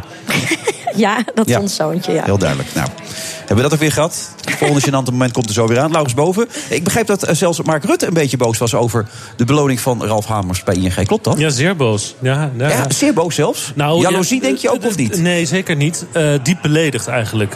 En, en gekwetst en eh, al dat soort dingen. Kijk, hij werd natuurlijk gevraagd naar de loonsverhoging. En eh, zoals gisteren al de hele politiek... pakte hij ook eigenlijk vol uit. En eh, die belediging vind ik nog het meest veelzeggend. Hij zei op een bepaald moment in zijn persconferentie... kijk, de bankensector en ook de ING, ze bellen mij twee keer per jaar. En ze vragen mij, help mij met het verbeteren van ons imago... Ja. van de bankensector. Ja, dat wil ik graag doen, Ja. zei hij. Wil ik graag doen. De bankensector is belangrijk voor het land, voor de stabiliteit, voor alles. Maar ja, eh, bel me dan niet. Als je vervolgens je loons voor je 50%, eigen loon ja. met 50% omhoog gooit. Bel mij dan niet. Weet, je, dus hij voelt zich echt gewoon ook gekwetst en misschien genaaid, inderdaad. Dat is het gewoon. En ehm, vervolgens werd hem natuurlijk ook nog gevraagd van... goh, eh, Balkenende, jouw voorganger, die zit nu in de Raad van Commissarissen. Heeft dus dit goedgekeurd. Kok, jouw voorvoorganger, Wim Kok... was de vorige keer in de Raad van Commissarissen... Ja, toen de ING eh, de lonen zo ontzettend omhoog Ja, en toen gooide. uiteindelijk, wij moesten met alle, met z'n allen moesten betalen hier. Inderdaad, hè? dat was kort daarna. Om Inderdaad, even de ja. zaak weer recht te 10 trekken. miljard, Anders, 10 anders jaar geleden. omgedonderd. En dan wordt er En gezegd, ze hebben dus rente Rutte- betaald. Ja, het is al best. Dus Rutte kreeg natuurlijk de vraag van... eh, in welke raad van commissarissen gaan wij jou straks zien? En ga je lonen verhogen? En toen zei hij... ik ga nooit in een raad van commissarissen. Als ik premier af ben, zal ik één ding beloven... en dat is dat ik niet in een raad van commissarissen plaats zal nemen. Hij zei omdat hij het saai vindt in een raad van commissarissen... maar hij zal dus ook nooit op deze manier hierbij betrokken zijn. Hij zei zelfs... banken zijn semi-overheidsinstellingen. Eh, ze hoeven niet aan de balken en de norm vo- voldoen. Maar het zijn geen commerciële bedrijven zoals Shell dat is. Een bank heeft een sociaal vangnet. En omdat dat sociaal vangnet er is, moeten ze zich een beetje inhouden met die lonen. Inmiddels aangeschoven, Zweden van Wijnbergen, onze favoriete eh bitterbal-eter ook van dit programma natuurlijk. En nootjes, maar die, die zijn er nog niet. Sorry Zweden, die komen er zo meteen absoluut aan. Hoogleraar Economie, verbonden aan de Universiteit van Amsterdam. Eh, Ben je ook zo ontstemd over deze verhoging? Van het salaris van de ING-topman? Nou, hij is een beetje Ja, maar hij speelt in de eredivisie, eh, Zweden. En als je Nou, dan om je heen ik een kijkt... beetje onzin. Werkelijk waar, natuurlijk- er wordt veel meer verdiend. Jeroen van der Veer zegt ook, dat, dat kan gewoon niet. Wat, wat een hongerloontje had die man. Nou, de vraag is wat betekent het kan gewoon niet. Eh, Ik denk dat de kans dat, je, dat, dat eh, Ralf Hamers weggekocht wordt door Volkswagen of Unilever 0,0 is. Ja, in plaats van dus dat Messi. vind ik helemaal geen relevante vergelijking. Nee, de Messi-vergelijking gaat totaal niet op. Hè? Ik bedoel, je kan beter zeggen dat het een directeur is van een voetbalclub... dan dat het een speler is die onderscheid maakt. Toch? Sta je nou? Nou, dat, maar dat komt als je de koptelefoon opzet, Zweder. Dan eh, zet anders. Ja, dat, dat. En de nootjes komen eraan, hoor, zeg ik er gelijk bij. Het is niet een topspeler à la Messi. Daar komt het eigenlijk een beetje op neer. Nee, eh, ook niet in de internationale financiële wereld. Er zijn bijna geen Nederlanders internationaal aan de top. Heel, die eerst met een echt zijn zoeklicht zoekt. En dat zijn dan meestal mensen die bij die buitenlandse banken onderop begonnen zijn omhoog geklommen. Maar ik ken geen enkel voorbeeld van een Nederlandse topbankier die weggekocht werd door een buitenlandse topbank. Nou, dus dat valt allemaal wel mee. Maar de directeur van de Duitse, Duitse Deutsche Bank die verdient dan 4,7 miljoen. Maar die is ook niet extreem goed of zo. Dus die zit daar toevallig. Sterker, die is extreem slecht. Nou, moet je nagaan. de Deutsche Bank. Ik moet zeggen, je moet Ralf Hamels wel iets meegeven. Hij is wel heel succesvol. Eh, ING is uitzonderlijk snel hersteld na de crisis. Het doet natuurlijk veel beter dan de Rabo en ABN AMRO. Dat een beetje, ja, Ja, maar die- daar die- verdienen ze ook maar een miljoen en 720.000 ja, euro. je moet er maar van rondkomen. Ja, het is niet makkelijk. Eh, nee, nee, het leven is hard. Kinderen Ja. van de hockeyclub halen. Dat is allemaal heel erg. Ja. Maar eh, ING is ook wel heel erg succesvol. Maar dan Ehm, nog is eh, 3,5 miljoen wel heel veel geld. Ruim 3 miljoen althans. Ja, ik vermoed naar de maatstaven van internationale eh, bedrijven, nee. Naar de maatstaven van Nederlandse bedrijven, ja. Maar ja, gaat- hoe kijk je naar ING? Zie je dat als een speler op de Europese markt, dan valt het nog wel mee. Zie je hem als een speler op de Nederlandse markt, dan schiet hij behoorlijk omhoog. En wat een beetje ongelukkig is natuurlijk, is dat tegelijkertijd die CAO 1,7% is. Ja, dat ligt wat anders dan eh, 50%. Maar eh, ze handhaven het toch gewoon. Eh, iedereen wordt eh, even boos nu en over een paar dagen heeft niemand het er meer over, toch? Dan is het klaar. Dan, eh, kan je Ja, lekker dat is dat, kijk, toen Zalm, eh, toen veel gematigder iets wou... die een, een al beloofde 100.000 bonus die zelfs Dijsselbloem beloofd had... toen hij hem ook echt wel uitdelen, toen was de wereld te klein. En dat hebben ze teruggedraaid. Ik vermoed dat dit doorgaat. Kijk, de commissarissen beslissen dit. Daar heeft, eh, De staat heeft er helemaal niets over te Maar die van de vertellen. Veer verdiende 11 miljoen, begreep ik, in zijn tijd. Dus ja, die lacht er Ja. een beetje om natuurlijk. Nou, Shell ook weer een aantal malen groter dan, eh Ja, dan. ING. Kijk, Shell is een top 10 bedrijf wereldwijd. Ja. De- een van de, de op één na grootste oliebedrijven ter wereld. Dus ja, dat is weer een hele andere. Ja, los van die omvang was het eh, interessant argument van Rutte vandaag natuurlijk dat. eh, hij zei van ja, zo'n bank is een semi-overheidsinstelling. Een bank kan niet failliet gaan. Als een bank failliet gaat, dan zijn wij van de belastingbetalers. Wij moeten Nou- Ja. dat dokken. Ik vind en dat, dat- is het verschil tussen, tussen de baas Ja. van ING en de baas van Shell. Ja, en ik ben het daar voor een flink deel mee eens. Kijk, eh, ING onder andere maakt zoveel winst omdat ze die precies wat jij zegt, hè, ze hebben die too big to fail. Eh, Nou, dat scheelt ze zo'n paar honderd basispunten op hun financiering. Dat krijgen ze een stuk goedkoper hierdoor. Ehm, ze hebben geweldige belastingvoordelen. Met al die rente, de manier waarop banken behandeld worden onder belasting is, is krankzinnig. Ik denk dat als je al die belastingsubsidies eraf haalt, dat toch in die winst van ING niet zoveel over is. Dus, Nou, ja, dan is het dat- helemaal niet terecht als ik het zo hoor. Hè? Terugdraaien Nee, die bank Even een statement, Zweden, dat zou goed Ja. zijn voor de radio. Statement, Nou, terugdraaien ik die denk dat die banken inderdaad heel sterk afhangen van de overheid. Kun je dan zeggen van, ja, wil je daar dan nog eh, grote jongens spelen? Van, ik ben een topondernemer. Nou, Denk nee. je dat dit in strijd is met de bonuswetgeving eigenlijk? Daar Nee. ging het gisteren in Den Haag ook even over. Nee. Dat, dat, Omdat Hoekstra gaat het uitzoeken. Misschien zeg ik iets heel geks hoor. Ik ben- Nee, omdat het niet conditioneel is op prestaties. Het is helemaal geen bonus. Ehm, misschien een eh, domme blonde vraag, maar is het niet een idee om dit soort topmensen... eh, om hun beloning te laten verbinden met de prestatie die ze hebben geleverd? Nou, dat is nou net wat ze bij die bonuswetgeving willen verhinderen. Hmm. Dat is namelijk een bonus. En dat is nou net wat waar Jeroen Dijsselbloem helemaal rood van aanliep als je het woord alleen al zei. Eh, er is dus een Nederlandse wet die zegt dat wat jij wil, dat mag maar tot 20% van de vaste salaris. Dus vandaar ook dat ze gezegd hebben dat hij krijgt gewoon een deel van zijn normale salaris in, in, in euro's overgemaakt op een bankrekening bij de ING. En een ander deel krijgt hij in de vorm van aandelen. Maar het is niet juist niet conditioneel op prestaties, want dan loopt het die bonuswetgeving plafonds aan. Gaan we even naar het buitenland. Donald Trump, eh, bekend geworden deze week dat hij over twee weken gaat invoeren. Heeft laatst even horen hoe dat gaat. The workers who poured their souls into building this great nation were betrayed. But that betrayal is now over. Fantastisch. Het verraad is voorbij. Jij moet erom lachen, hè? Ja, dat is natuurlijk de grootst mogelijke onzin. Maar goed, dat is niet een beetje par voor de course met deze man. Eh, ja, die zijn Ja. helemaal niet betreed natuurlijk. Het geldt ook niet voor alle landen, hoor ik vandaag. Canada en Mexico, die hebben al een Nou, uitzondering. dat zijn nogal grootste, want dat zijn Ja. nummer 1 en nummer 4 exporteurs. Dus eh, je weet. Trump, Trump is natuurlijk een enorme blaaskaak die heel veel schreeuwt. Je weet nooit precies wat hij eigenlijk doet. Nee. Want eh, Australië mag er al uit, ik moet Taiwan, eh, ja, Duitsland allemaal bondgenoten. Om te zeggen dat je vanwege de... eh, hoe zitten wij met Tata Steel dan? Want die zijn een Eh, beetje verslag. Die hebben met Hoekstraal gesproken van de week. de Ja, dat zal wel. Eh, Tata is, een, is een, binnen zijn eigen categorie een vrij grote exporteur. Een exporteurt ook soorten staal die ze in Amerika niet maken. Ja, beste staal ter wereld, heb ik begrepen.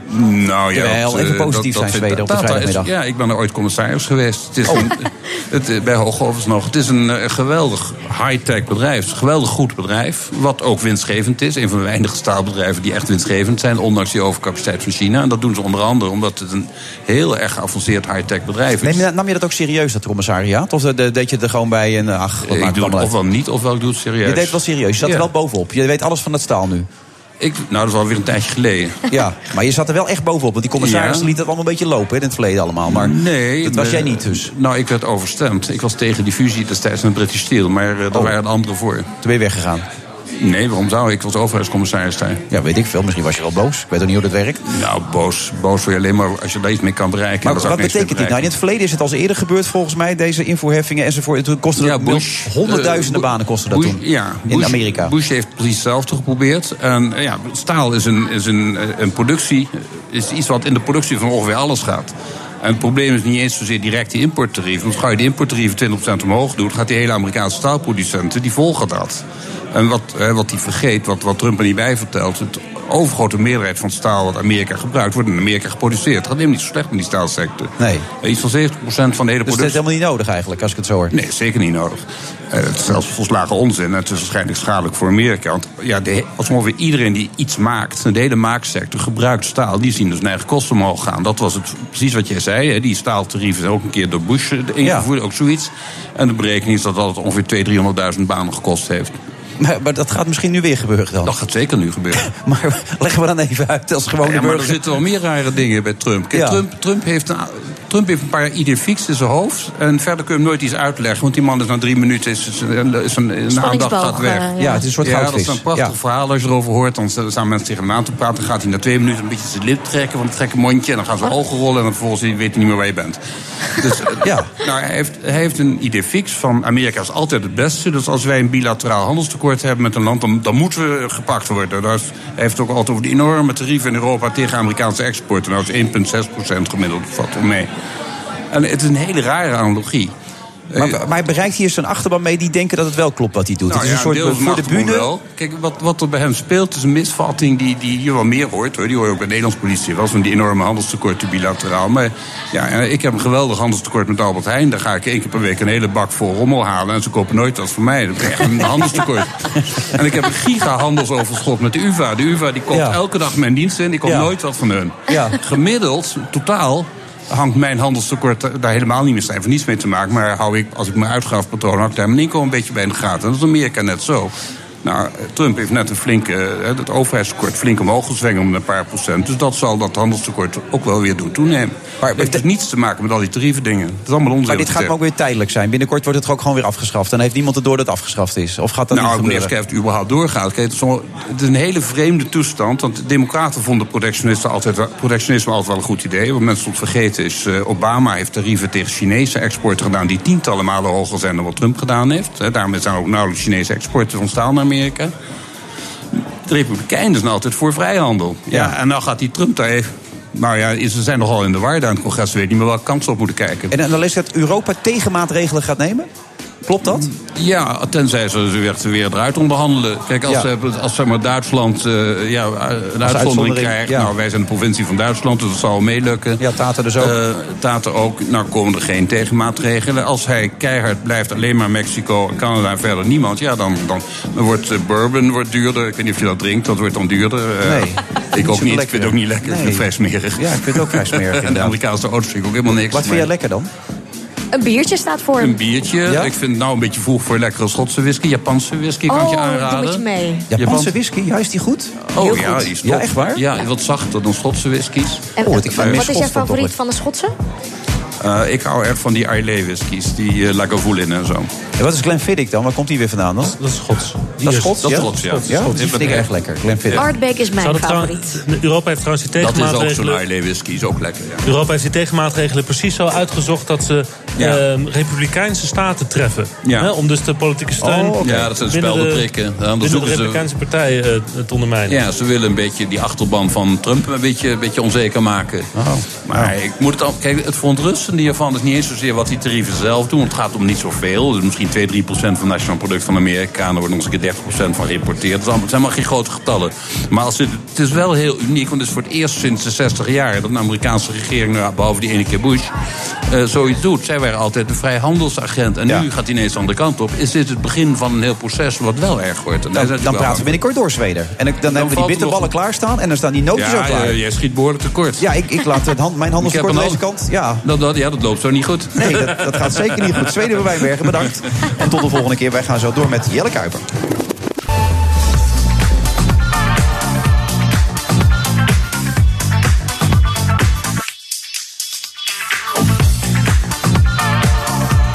Vrijdag, vrijdag eh, 9 maart, Sky Lounge, Doubletree Hilton Hotel, Doubletree bij Hilton Hotel. Ik heb niet gedronken, echt niet, maar ik wou dat snel zeggen. Daarom ging het misschien niet helemaal goed met wat ik zei. Eh, inmiddels heeft ze een sanitaire stop gemaakt, maar ze gaat nu met onze vaste gast op de foto. Dat is Cor. Cor komt oorspronkelijk uit Groningen, maar woont inmiddels dichterbij. En Cor is altijd ook de enige gast die echt hier naartoe komt om ons programma bij te wonen. Dus we mogen Cor best wel een keer in het zonnetje zetten. Het enige is dat Cor de mensen nooit meer loslaat die hier te gast zijn. Daarnaast heeft Cor altijd boeken bij zich die gesigneerd moeten worden. En dat zijn vaak hele stapels met boeken. Dat we dat even weten. Eh, Jelle Kuiper inmiddels aangeschoven, eh, theaterproducent. Yes. Ehm, je gaat het op de, op de bühne brengen, het verhaal van Astrid Holleder. Klopt. Maar dat had nogal wat voet in aarde om dat voor elkaar te krijgen. Ja, het was, het was niet eenvoudig. Ehm, ja, dat boek was uit eh, november 2016, hebben we het dan over. En ik dacht, ja, dat was gelijk een succes. Judas, hè, Judas, oh, ja. sorry. Ehm, eh, succes. Ik dacht, mm, daar moeten we wat mee. Op de planken, dat zou wel heel mooi zijn. En nou ja, dan bel je een uitgever. Maar dat was natuurlijk lastig en ik kwam daar niet echt doorheen. Maar ik heb altijd een geheim wapen. Dat is namelijk dat ik trouwambtenaar ben.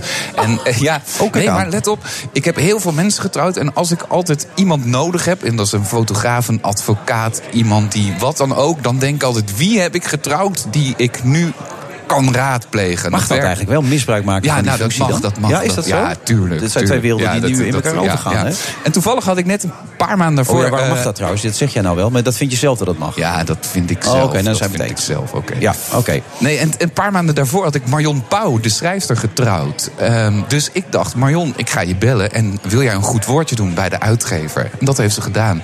Toen belde de uitgever mij en die zei, ja, je wil wat met Judas. Ik heb iedereen aan de telefoon, maak maar een plan. Ja. Dus ik met een beetje lood in mijn schoenen legde op en dacht, ja, ja, ja. Maar goed, het ging wel leven. En toen eh, heb ik een plan eigenlijk samen met eh, wat mensen van Senf gemaakt. En toen bedachten wij, en dat was een schot in de roos, denk ik. We bedachten, we gaan een voorstelling maken. Haar boek gaan we op de planken brengen.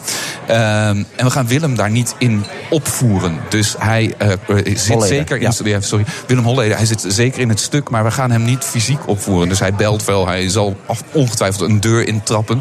Maar we gaan hem niet... Het, gaat een, het wordt echt een voorstelling over vrouwen... over twee zussen die opstaan tegen eh, iets wat al heel lang gaande is. En je wilde de angst symboliseren door het niet te kunnen laten zien. Ja, ja een beetje eh, Jaws, zeg maar. Ja. Oh. ja, ja, ja. Dat, dat inspireert me altijd het mooie verhaal. Dat ze dat, die film Jaws, die, die flopte bijna. Ze kregen het niet voor elkaar technisch toen om een mooie haai te maken die geloofwaardig was. En toen hadden ze het bijna aan de kant gegooid. En toen hebben ze een 21-jarige net van de filmacademie man die zei: Mag ik het proberen? En dat was Steven Spielberg. En die bedacht: We gaan die hele haai af en toe een driehoekje. En ehm, eigenlijk dat, die angst, door hem niet aanwezig te laten zijn, wil ik de theaters inbrengen. Maar wel zijn voor stem? mij nog steeds een trauma. Misschien zijn stem, daar zijn we nog. We hebben natuurlijk ook die tapes, maar ik denk dat het zelfs niet nodig is. Ik denk dat het niet nodig is. Het, moet, het gaat, wat het mooie aan dit verhaal is, ook het trieste is dat het is een verhaal wat gaat over angst, het gaat over verraad, het gaat over moord, het gaat over liefde, over En girl familie. power. Girl power, absoluut, absoluut. En eigenlijk wat je ziet in alle... Nou, laten we heel ver teruggaan in de theatergeschiedenis, Griekse tragedies. Het gaat daar altijd over familie, verraad, over moord, over liefde. En al die thema's probeer je als theatermaker altijd naar het hier en nu te halen. En volgens mij kan dat met dit verhaal heel erg mooi. Wat heerlijk materiaal voor je, zeg. Ja, ja, ja, ja. En, en we zijn het nu aan het schrijven. Dus het, het, het boek wordt nu bewerkt tot een, eh, tot een voorstelling. En Astrid werkt daar ook eh, zeer nauw mee samen. Het is haar verhaal en daar willen we ook eer aan doen. Ja, je ziet het vaak. Ik ben, ik ben, je bent mij al een tijdje kwijt, hoor, want ik zit nog steeds aan Jaws te denken. Dat is Ja. voor mij nog steeds het grootste trauma uit mijn leven. Echt waar? Ik Wat heb hem voor het eerst gezien op het gymnasium, weet ik nog wel, bij ons thuis eh, in Leeuwarden. En als ik in een zwembad lig, durf ik nog niet eens te zwemmen eigenlijk. Dan kijk ik nog steeds Altijd om me heen. dat gevoel, Altijd ja, ja, dat ja. gevoel. Ja, Alleen maar door die klote film. Ja, ja. nee, maar Ja. als, je dat, Ja. als je dat kan bewerkstelligen Ja. met dit stuk. Ja. Want je bent daar bijna dagelijks met haar bezig. Zit ze er zo bovenop dan? Nou, ik zie haar vaak. En dat is natuurlijk heel triest en, eh, dat, dat zij... Want het is maar namelijk wat voor toestand verkeert zij dan? Want ze mag niet in de media Nee, komen. nee, Ze- ze, ze- kan niet over straat. Het is natuurlijk heel erg verdrietig. Het is, laten we Kogelvrije beginnen. vesten, dat soort dingen? Ja, ja, ja. Laten we beginnen dat het een hele leuke vrouw is. Een hele leuke, gewone vrouw die, als zij hier in ons midden was... waarvan je gewoon denkt... Dat, en die kan gewoon niet meer over straat. Ze kan niet meer zich gewoon bewegen zoals zij zou willen. Ik weet niet waar ze woont, ik weet niet wat... Dus als ik met haar afspreek, is dat altijd... Heel, dan weet ik niet waar we afspreken, niet hoe laat we afspreken. Ineens is ze er en ineens is ze ook weer weg. Het is, maar daarnaast is het een heel leuk en werken we heel leuk samen. Zij heeft bijvoorbeeld ook met de audities... hebben maniertjes gevonden met film en nog wat andere dingen. Dat zij heeft ook Eh, René Fokker speelt de hoofdrol, die gaat haar vertolken. En die heeft zij ook daadwerkelijk uitgekozen. Ja, ja. Stoor. Ja, Nou, wat wel mooi is, ik bedoel, jij kende het boek niet, hè? Want je vroeg voor de uitzending aan mij, ik weet niet zeker of ik er wel wat mee heb. Het is een stoere vrouw, dat mag je rust stellen. Hè? Want ik wil, jij had een beetje het gevoel, heeft, ze heeft haar broer eh, genaaid. Maar als je weet het verhaal... Nee, nee, nee, nee, nee. Ik, ik had het gevoel, gevoel niet. Ik, ik vroeg me alleen af dat als het je om veiligheid gaat... en volgens mij gaat het haar nu om veiligheid... ze heeft zoveel ballen eh, moeten over hebben om dit naar buiten te brengen... Dat, dat ze nu veel meer gevaar loopt dan voordat ze dat boek natuurlijk Ja. publiceerde. Ja, is dat Dus- zo? Nou, het gaat eigenlijk niet over het boek, hè, want eh, het gaat over dat ze het gevaar loopt omdat ze gaat getuigen tegen haar. Van aanstaande maandag begint het. Dan gaan zij echt getuigen tegen haar. Die getuigenissen zijn natuurlijk al, heeft zij al gedaan. Daar gaat het over. Het boek heeft zij geschreven. Dat is eigenlijk heel grappig. hoe Zij dacht, ik moet mijn leven gaan opschrijven. Want er is een kans dat ik er niet meer ben. En ik heb kinderen, ik heb kleinkinderen. Dus ik wil het, mijn verhaal opschrijven voor, voor mijn nageslacht. Voor als het gebeurt zoals we daarover praten. Als ik, als ik ga. Ehm, John van de Heuvel heeft ook veel contact met haar. En, en die zei tegen haar: Eigenlijk zou je eens moeten opschrijven wat er allemaal gebeurt. Toen zei ze: Oh, maar ik heb al een heleboel opgeschreven. En John die kreeg dat mee. En die dacht: Maar dit is heel erg goed. En die is naar de uitgever gegaan. Dus zij, was, zij had niet het plan om een boek uit te brengen. Dat is een, een nee, maar als je het leest, het is zo heftig. Het is zo, ja, het is een haar dagboek. Het gaat over haar jeugd. eh, hoe ze is opgegroeid in een familie met een vader. Die ook een absolute monster. monster was. Die werkte bij Heineken. Ehm er begint ook het boek, weet je, moet je voorstellen. Dus hij had met Cor had hij, had hij, eh, Heineken ontvoerd. En hij Cor zit, van Hout, ja. Cor van Hout had hij Heineken ontvoerd. En hij zit s'avonds met zijn ouders en zijn broers. Zit hij het journaal te kijken. En zijn vader, die bij Heineken werkt, die zegt: Moet je nou kijken, mijn baas is, is ontvoerd. En dat had hij smiddags gedaan. En hij zegt: Oh, dat is ook erg, weet je. Ja. Nee, maar als je het allemaal leest, het is bijna niet voor Ja. te stellen dat iemand zo onmenselijk kan zijn. En nee. zo, zo, zo met je familie om kan gaan. Ja, hij en- zegt zelf dat het niet klopt natuurlijk. Maar... Nee, maar hij is natuurlijk ook waanzinnig intelligent. En het, hij, hij kan je manipuleren. Ik heb nooit ontmoet. Hij kan manipuleren. Dat is natuurlijk ook. Het is de slimste crimineel die we hebben in ons land. We zijn er allemaal ingetrapt. Is En- het niet gevaarlijk voor jou om dit nu zo onder de mensen te, te gaan brengen... door middel van een toneelstuk? Nou, daar hebben we natuurlijk wel uitgezocht. Daar ga ik niet heel veel over vertellen. Maar dat is allemaal wel uitgezocht. En eh, daar begonnen we niet voor aan voordat we het goed gesaved hebben. Ja, ja. Dus je voelt je er niet onveilig door? Nee, nee, nee. nee de- omdat er ook meer is. hè. Er is het boek, er komt een serie. Ehm, Steven Spielberg, overigens over hem gesproken, heeft de filmrechten gekocht. Meen Voor- je dat ja, nou? Over Jaws gesproken? Ja, ja, ja. Ongelooflijk. dat. Judas, daar kun je als nakijken. Heel graag, daar kan je het, tickets eh, kopen. Ja, ja. ja. Ja, Vanaf ja. wanneer staat het op de? September, nou eigenlijk augustus gaan we al beginnen. En dan het hele jaar door. Oké. Gefeliciteerd, Nou, goed, echt dankjewel. goud materiaal in handen. Dankjewel. dankjewel. Jelle Kuiper, Dankjewel. bedankt. Heel graag gedaan. En succes ook met name. Dankjewel. Ik ben heel benieuwd. Zometeen Dries Roelvink. Echt waar. Dries Roelvink in deze uitzending. Nou gaat het niveau omhoog. Kan je met hem zingen of niet? Nou ja. Ga je wel doen. weet. Wel. Leuk man. BNR Nieuwsradio. The Friday Move. Nou, ik ben natuurlijk blij met eh, hoopgevende signalen. This is the essence of Brexit. Het is eh, een, een typische eh, dubbelspion. ehm. Koon schreef daarop zijn ontslagbrief. Eén ding is zeker, je gaat niet uitkomen bij ING. Wilfred Genee. Hij voelt zich thuis in de cafés en de kantines, maar treedt over een aantal maanden op als eerste volkszanger zelfs in Paradiso.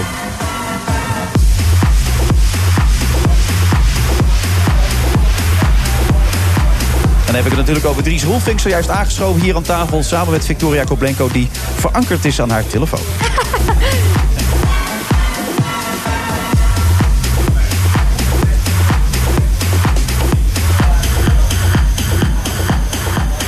Dezelfde Victoria Koblenko die niet eens zo lang geleden een interview zet... naarmate ik ouder word, word ik ook steeds onzekerder. Is dat zo, eh, Victoria? Ja, weet je, wat is zekerheid? Dat is toch ook gewoon een beetje een bluff? Wat Nou ja, doet. juist niet. Want dan, op een gegeven moment hoef je niet meer te bluffen, want dan ben je gewoon zeker. Nee, maar ik bedoel, als je 18 bent, dan denk je dat je het allemaal zo weet. Maar naarmate je ouder wordt, weet je dat dingen steeds complexer en genuanceerder zijn. En dat er gewoon niet één waarheid en dus ook niet één zekerheid zijn. Maar je voelt je wel veel comfortabeler in je, in je zijn. Ja, dat klopt, toch? En, hoe- en hoe ga je met kritiek om dan? Wordt dat Ehm, makkelijker dan ook? Ja, kijk, je hebt twee soorten kritiek. Eh, kritiek eh, als bedoeld om je eh, verder te helpen. Daar ga ik heel serieus mee om. En ik eis dat ook van mijn naaste omgeving. Dat ze mij helpen groeien. Ehm, en kritiek als in... ehm, Twitter, Facebook, ja, ik ben Instagram. daarom gestopt met Twitter. Ik weet je, seksistisch gelul op Twitter. Ik, ja, ja als, je, als je met argumenten iets in te brengen hebt, graag. Dan gaan we met elkaar in discussie. Maar als je kuthoer roept, weet je, dan is het al snel klaar. Ja. En dat gebeurt helaas steeds vaker op Twitter. Dries, Hoe gaat het met jou? Word je onzeker Nou, of zeker naarmate je ouder wordt? Als ik me iets had aangetrokken van de kritiek die ik van jou al gehad heb bij eh, Tour de Jour. Zo, elke dag weer, hè? Dan, Ja, dit was goed, hè? Dan had het echt einde loopbaan geweest. Ja, jij hebt dat waarschijnlijk nooit gezien, eh, eh, Victoria, Nee. Tour de Jour. Maar elke dag kwam dan Dries langs en dan zeiden wij bijvoorbeeld... Nou, ik, dan zei ik dan dan... We hebben hem geld geboden om niet te komen, maar hij is er toch weer, dames en heren. Hier is hij, Dries Rolvink. En dan stond hij er tegen gewoon. kunnen, hoor. Ja, dag Oh, in, dag oh. uit. Dat, eh, we hebben er besloten om het niet meer te doen. Oh nee, toch, daar is hij weer, Dries Rolvink. En elke dag stond hij er drie weken lang. Dat heeft hij jaren achter elkaar gedaan. Een paar jaar gedaan. En, Ja. eh, nou ja, ik ben hier ook een beetje, denk ik, naar aanleiding van eh, mijn concert wat ik ga geven. Oh, geen concert geven? Ja. Vertel. Met Paradiso. Oh, wat leuk. En nou dacht ik net, ik zeg net tegen jouw redactie... het zou misschien leuk zijn om het liedje Tour de France daar ook te doen... maar dan doe ik het alleen als jij dan met me mee komt zingen in Nee, ik, Paradiso. ik moet afzwemmen die avond. Oh, ja. Ja, nee, dat zul je altijd zien. Net afzwemmen die avond. Ja, dat is mijn Dan- probleem dan, dan, weer. eh, Kan jij ja. zingen? Nee, ik kan weg. niet zingen. Maar ik heb trouwens toevallig twee Ja, weken geleden in Paradiso gestaan. Heb ik Manuela gezongen voor een afgeladen zaal. Want toen was het Smartlappenfestival was er. hè. En Oh. er mochten ook mensen uit de zaal mochten zingen. En toen mocht ik niet mijn favoriete nummers zingen. Maar ze hadden nog wel Manuela eventueel voor me. Dat was niet het allergrootste succes. Dus succes. ik, ik dacht Nee. dat, is, dat ik de eerste volkszanger was, maar je bent me alweer voor Ja, geweest. nee, de zangeres zonder naam. Wilfred Gené en dan Dries Rolvink. maar 10 september gaat het allemaal gebeuren. Hoeveel kunnen Ja. er eigenlijk in? Want het was afgeladen vol daar die Ja, dag. dat kan zo'n beetje 1600 kaarten kan je wel verkopen. 1600 kaarten. Ja. is dit je grootste...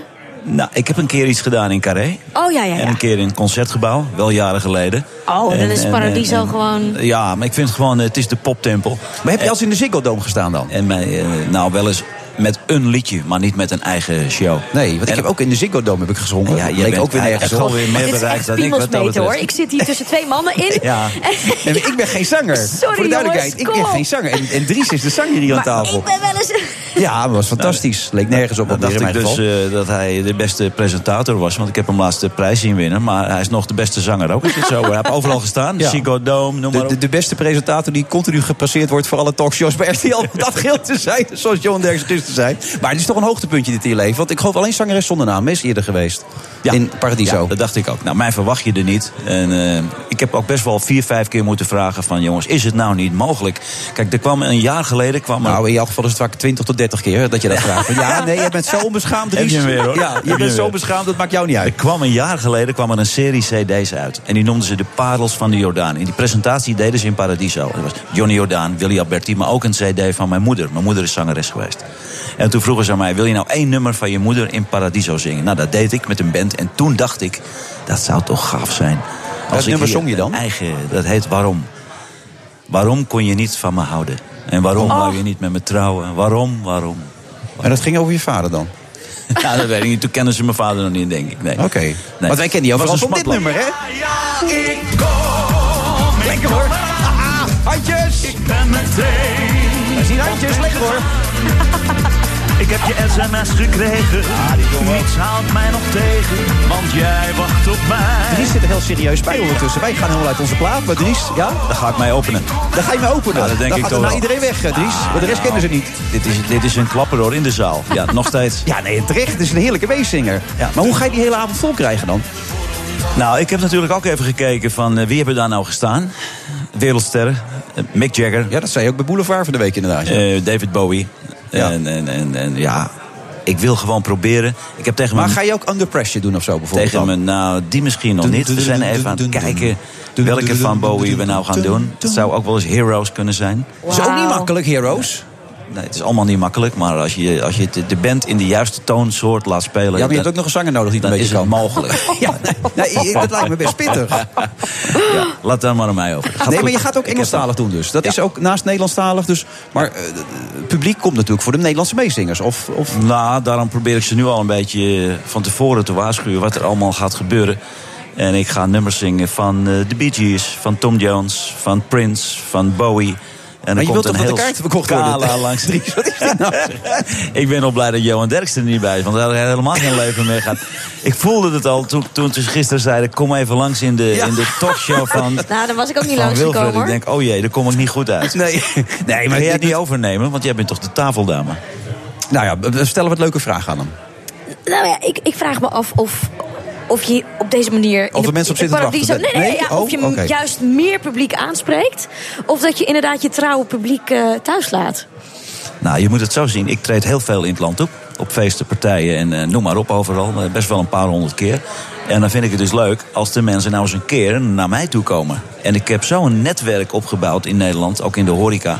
dat ik zeker weet dat dat binnen een dag Ja, zou ik net zeggen. Tino Martin doet ook Ziggo Dome en zo, toch? Ja, nou dat, daarom. Dat lukt jou toch ook makkelijk? Dan Ik praat je over 15.000 mensen. Ja. Dus die 1600, dat is, dat is echt een probleem. Maar zag je hoe, hoe lief Dries net vertelde dat zijn moeder zangeres is geweest? Want hij voelt aan mij dat ik dat niet kan weten als een allochtoon. Ja, ik denk geef een beetje extra Ja. Nou, ik wist het van, van de week vanwege Boulevard, omdat hij daar het ook in verteld had. Maar hoe goed en hoe goed bekend was ze dan? Want dat weet ik eigenlijk helemaal Zij heeft ooit een gouden plaat gehaald. En, Echt waar? en daar heeft ze me mijn leven lang mee gepest. Die hing ook in de kamer, een LP. en als ik dan binnenkwam, ik zei, ma, ik ga dit. En ik ga, ach jongen, kijk nou, hier hangt hij. Probeer dat nou eerst eens te bereiken, weet je wel. Dus dan werd ik meteen, net zoals bij jou altijd, de mond gesnoerd. Maar wat was haar artiestennaam dan? Ali Roelvink. Gaat koekelen, gaat opzoeken, ga luisteren. Maar heeft ze jouw eh, bekendheid wel meegemaakt uiteindelijk? Ja, Dat, ja? ja? ze is 86 geworden. Ze is nu eh, acht jaar overleden. Dus ze heeft best wel het een en ander. Ze heeft net niet meegemaakt, gelukkig, dat ik bij Tour de kwam. Nee, dat begon toen net inderdaad. Dat had ze jou ja. opgebeld, wil je me zo niet beledigen? Ja, die, ze had het heel serieus genomen, denk je, die grappen.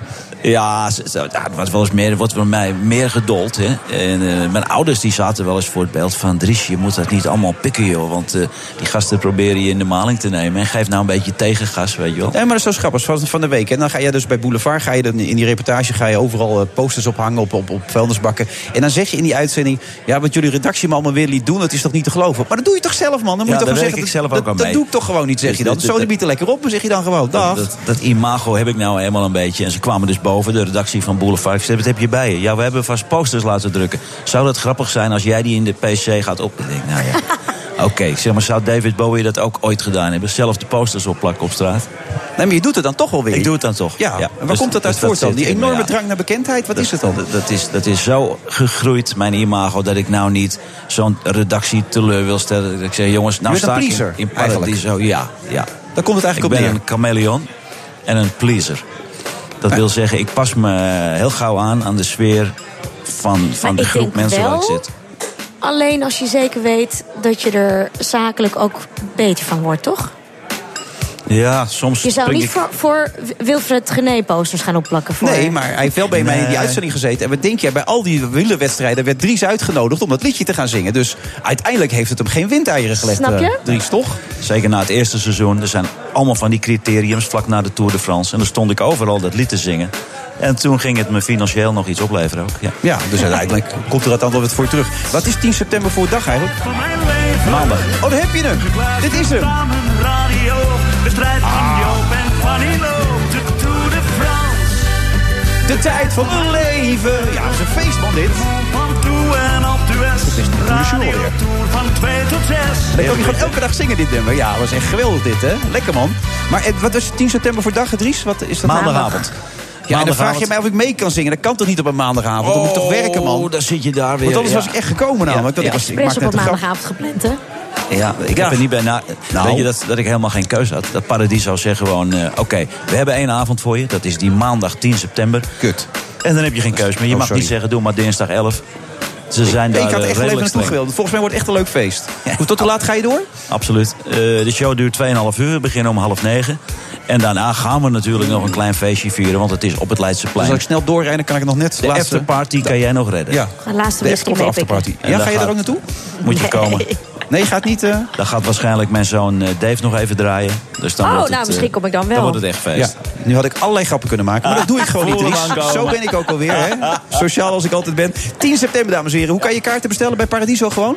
26 eh, maart, dan begint het. Kijk even op mijn site. En dan een deeltje bij Paradiso en een de- deeltje bij www.driesroelvinkticket.nl. Zo, je hebt het allemaal voor elkaar. Ja. ja, top. Nou, goed dat je er was, eh, Dries. Dankjewel, man. En succes.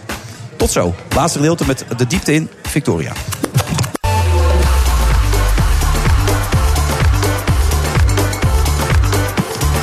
Zitten alweer in de absolute slotfase van deze uitzending van uh, vrijdag 9 maart. De Sky Lounge, daar zitten we nog tot een paar minuten althans. En ondertussen zit hij alweer klaar. Rob Jansen bij Beurswatch. Rob, wat gaat er allemaal gebeuren? Nou, we gaan het ook deze week hebben over Trump. Want hij beheerste weer het nieuws met zijn handelsoorlog tegen goedkoop staal. Blijft de gemoederen bezighouden. Zo stapte bijvoorbeeld ook zijn belangrijkste economisch adviseur op, Gary Cohn. En Heineken, die verkoopt zijn Chinese tak vermoedelijk. Dat gerucht gaat.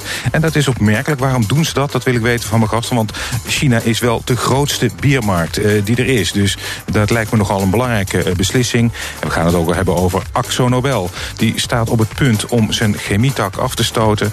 Um, en we hebben gezien aan de cijfers afgelopen week... dat die chemietak het juist veel beter doet... Uh, dan de verfabrieken die achterblijven in dat bedrijf. Dat ga ik allemaal bespreken met mijn gasten. En dat zijn vandaag Rijn Schutte van Indexus... en Bob Homan van ING. Nou, Rob, dankjewel. Uh, het is voor het eerst volgens mij dat we ook achtergrondmuziek erbij hebben gedaan. Hoe vond je dat, Rob?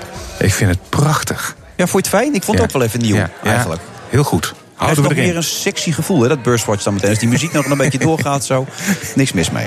Nou, succes zometeen. Naast mij nog Victoria Koblenko. Heb je aandelen, Victoria? Je hebt, je weer je microfoon weggelegd. Je zit weer aan je telefoon Of ik aandelen heb? Ja. Niet meer. Waarom niet? Die heb ik verkocht een tijdje hey, Dries is gewoon blijven zitten, maar Dries, we zijn klaar. ja. Oh, je blijft gewoon zitten. Nee, dat is goed, ja. Gezellig. Maar je hebt ze Aandelen? verkocht. Ja, ik heb toen ik ging studeren, mijn eerste salaris bij Endemol, heb ik dat toen belegd en niet zo heel erg uh, lekker belegd. Dus ik dacht op een gegeven moment, uh, na tien jaar, weet je, wegwezen ermee. Oh, Waarom vraag je dat? Nou, omdat we nu uit, ja, dat hoorde jij niet, we kwamen uit Beurswatch, dat gaat allemaal over aandelen, dat soort dingen enzovoort. Maar toen zat jij weer op je telefoon. Hey, even Jeruzalem, jij was daar, je had gepost en toen was opeens allerlei mensen op Instagram die gingen jou ontvolgen. Want dat vonden ze niet, uh, want Trump had ook net uitgeroepen dat Jeruzalem de hoofdstad van Israël was. Dat lag hem heel gevoelig, begreep ik. Ja, het is. Uh, Um, ik, ben er voor het eerst uh, met mijn studie geweest. Uh, bijna 15 jaar geleden. En toen uh, hadden we afspraken met Olmert, met Arafat zelfs, weet je. Met tien dagen lang in Tel Aviv en Jeruzalem proberen te begrijpen als jonge politicologen van wat is hier nou de bron van het conflict. Nou, ik kan je vertellen, het is alleen maar ingewikkelder geworden sindsdien. Maar. Jeruzalem is een van de steden waar ik nog nooit samen met Lef ben geweest. Ja. En Lef werd 40. De grote liefde van je. Um, en ik, vond het uh, belangrijk dat hij daar ja, dat hij de keer ging zien. Dus wij vlogen naar Jeruzalem en naar Tel Aviv. En um, vanaf het moment dat ik daar op 31 december een post uh, aan had gewijd, merkte ik dat er honderden mensen mij gingen ontvolgen. En vervolgens werden er allemaal krantenartikelen geschreven in Jerusalem Post en Tel Aviv Post. Um, en vervolgens kwamen er duizend volgers bij met dankjewel dat je ons steunt, dankjewel dat je ons beleid steunt. En het was redelijk merkwaardig, want ik, ik was er niet om uh, een beleid te steunen. Want voor een. Uh, je was gewoon op vakantie, daar kwam het op neer. Ja, ik snap wel dat er mensen zijn die zeggen: zelfs als je op vakantie gaat, steun je een bepaald regime. Nou, voor die mensen die konden niet weten dat ik twee jaar geleden daar voor een, uh, een televisieprogramma ook aan de kant, aan de Palestijnse kant. Uh, was om dat te verfilmen. En het, het, weet je, het was heel erg raar dat er zoveel mensen ontvolgden en zoveel mensen gingen volgen. Wat blijkt nou later? Dat er een, een, een journalist is geweest die altijd verhalen schrijft, um, overigens in Amsterdam gevestigd, die op die manier een beetje sympathie voor de Israëlische kant probeert uh, aan te wakkeren. Dus, een opzetje was het? Eigenlijk was dat een journalistiek opzetje waar ik, uh, nou ja, slachtoffer is een groot woord, uh, maar, maar achteraf was het een geconstrueerd iets. En, en, en ja, ik betreur dat ik daarin ben getrapt. Je bent een onderdeel eerder... geworden van iets waar je zelf niet echt in Ja, weet je, omdat het, ik, als mensen mij willen ontvolgen omdat ze iets vinden, prima. Maar ik kreeg er heel veel Amerikaanse en Israëlisch gezinde volgers bij. En, en, weet je, en die mijn bezoek aan het land zagen als steun voor het regime. En dat was uh, best wel merkwaardig. Dat je merkt dat je als een gewone sterveling uh, door een bezoek aan een bepaald land uh, iets aanwakkert waar, waar je zelf niet aan mee wil Is dat werken. bescheiden gewone sterveling? Hè? Bekend van allerlei dingen, televisie, actrice, dat soort dingen allemaal enzovoort. Ja, moet je daar niet rekening mee houden dan? Uh, nou ja, waar moet je rekening mee houden? Dat er journalisten op de loer liggen die van jouw bezoek een, een, een spin daar nou ja, spin meer van dat feit. Dus op het moment dat je um, een podium als Instagram of zo kiest, dat je er altijd reacties op zal krijgen en dat er wat mee gedaan kan worden? Ja, ja, maar Instagram is niet altijd, uh, um, leent zich niet altijd om een politiek statement te maken, helaas. Omdat de volgers die je op Instagram volgen, volgen dat voor de mooie plaatjes en niet zozeer voor je politieke overtuiging. Daar is meer Twitter of Facebook voor. Dus het is soms moeilijk om daar echt uh, um, onderscheid in te maken. Wat vind je eigenlijk van die situatie dan, als je toch een uitspraak zou moeten doen? Ehm, van de situatie in Ja, Israël. hoe Israël omgaat met de Palestijnen? dat, dat, eh, dat keur ik ten zeerste af. Eh, alleen vind ik niet dat mijn bezoek aan het land de situatie van de Palestijnen verbetert, helaas. Dus als, als mijn bezoek, als ik kon zekerstellen, garanderen dat mijn bezoek aan Israël ook maar een klein beetje zou bijdragen aan een betere toekomst voor de Palestijnen, dan zou ik dat- zo doen. En eh, kijk, als een bekende popster. ehm Chris bezoek- bijvoorbeeld, ja? Nee, nee, nee. Maar er was toevallig een, eh, een, eh, Lord, is een bekende jonge popster van eh, Nieuw-Zeelandse afkomst, die haar bezoek aan eh, Tel Aviv had afgelast, omdat zij eh, zich geen rekenschap gaf van hoe, weet je, hoe haar bijdrage aan dat land, eh, ehm, eh, wat voor rol dat speelde. Weet je, dan heeft dat eh, repercussies. Als ik niet naar het land ga, wordt niemand daar beter van. Ik snap dat sommige mensen dit wellicht een, eh, ehm, ja, een, een, een, een kwalijke zaak zouden vinden. Maar als ik naar Miami op vakantie ga, is dat ook niet per definitie een steun voor de hui- het huidige regime van eh, eh, Trump. Nou ja, als ik in Rusland werk, is dat ook niet per se een steun. Ja, Maar, nee. maar laten we het ook niet groter maken dan het is. Uh, belangrijk nog even, ambitie van jou een gevaarlijk woord. Destructief, heb je het wel gezegd, word ik een beetje bang van. Maar er is toch nog wel iets van ambitie bij jou, hè? Je bent 37 nu. Ja. Wat, wat zou je graag willen nog? Je gaat nu op 18 maart krijgen we die, die, die, die documentaire te zien, toch? Ja, ik hoop meer documentaires te mogen maken. Ik heb de smaak te pakken. Dus ik hoop dat mensen intunen op Nederland 2 aankomende zondag eh, kwart over zeven. Ehm, ja, dat hoop ik in de toekomst te mogen doen. Maar ik hoop. eh, De vrouw nog- die Poetin wil verslaan, daar gaat het om, hè? Ja. maar je hoopt dat nog veel meer te gaan doen. Ja, maar ik hoop ook mooie acteerprojecten te mogen doen eh, in Nederland, in, in Oekraïne, Rusland of, of, of waar dan ook. Weet je? Dus uiteindelijk gaat het wel om verhalen vertellen. Daar ben jij dagelijks mee bezig. In dit programma en ook in andere programma's. En ik hoop daar meer podium voor te mogen krijgen. Ja, en blijf je wel in Nederland of jullie overwogen om misschien wel te vertrekken, las ik? Jouw grote liefde weet je, jij. Wat, wat ik net zei, wij overwogen te vertrekken als een Geert Wilders aan de macht zou komen. Weet je, op, op een gegeven moment is het. Wij hadden ons destijds uitgesproken voor het referendum ehm, ehm, in zaken Oekraïne. Ehm, en het was toen nogal vijandig opgevat. Eh, wij werden toen heel erg als een uh, neergezet. Van als je, als je dat van mening bent, rot dan maar lekker op. Ik zou niet weten overigens waar ik naartoe zou moeten oprotten. Maar ehm, ik sluit niet uit dat ik in de toekomst voor mijn werk eh, zal moeten verhuizen naar een Australië tijdelijk of een Amerika eh, of, of, of iets anders. Naar een warmer klima- klimaat. Maar Ja, dat zal altijd Met je grote liefde Lef, voor de duidelijkheid. en je zoontje Kie. Dan heb je ze allemaal bij elkaar. Meer is het toch niet in het leven? Ja, een kleine familie die er nog bij hebt natuurlijk, maar... Ja? Dat is- Dat is zo. Goed dat je er bent gekomen. Je bent uh, jullie hebben me echt gebeld door onze eigen Om- om- eindredactrice Mireille. Maar dat is bij deze nu afgelopen of je er last van te hebben. Ik hoop dat alles gaat uitkomen wat je wil, eh, Victoria. Succes. Doe er goed aan, Lef. En eh, we komen elkaar ongetwijfeld weer tegen. Don't nowhere, don't nowhere. Wij zijn de volgende week weer. Zitten we in Alkmaar. Ja, Alkmaar met Marianne Thieme. Marianne Thieme, ja. Dat heb ik twee keer herhaald omdat je dan weet wie er gaat komen. Tot volgende week. Dag. Da- da- dames, het wordt tijd dat we onze positie claimen in dit land. Ze heeft mij eh, streng toegesproken. Dat is een gesprek wat u met mijn eh, collega Olongren moet voeren. Maar als je ziet hoe snel die economie eh, groeit, dan hoop ik echt van harte dat we het ook sneller in de portemonnee gaan voeden. Nou, ik vind dat er eerlijk moet worden gedeeld. Quoteren dus. Ja. Nou, ik zou voor dat voorbeeld zou ik dan naar het buitenland gaan. Er moet natuurlijk nu wel wat gebeuren. Want ik heb altijd gezegd, waar een wil is, is een weg. They all want a piece of that Oval Office. They want a piece of the West Wing. Eén ding is zeker, je gaat niet uitkomen bij ING. Nee. Quoteren dus.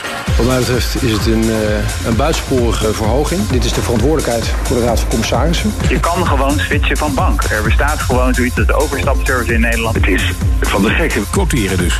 Er is nog steeds een gapend vertrouwensgat uh, als het gaat om het vertrouwen van de Nederlandse burger in de bankaire sector.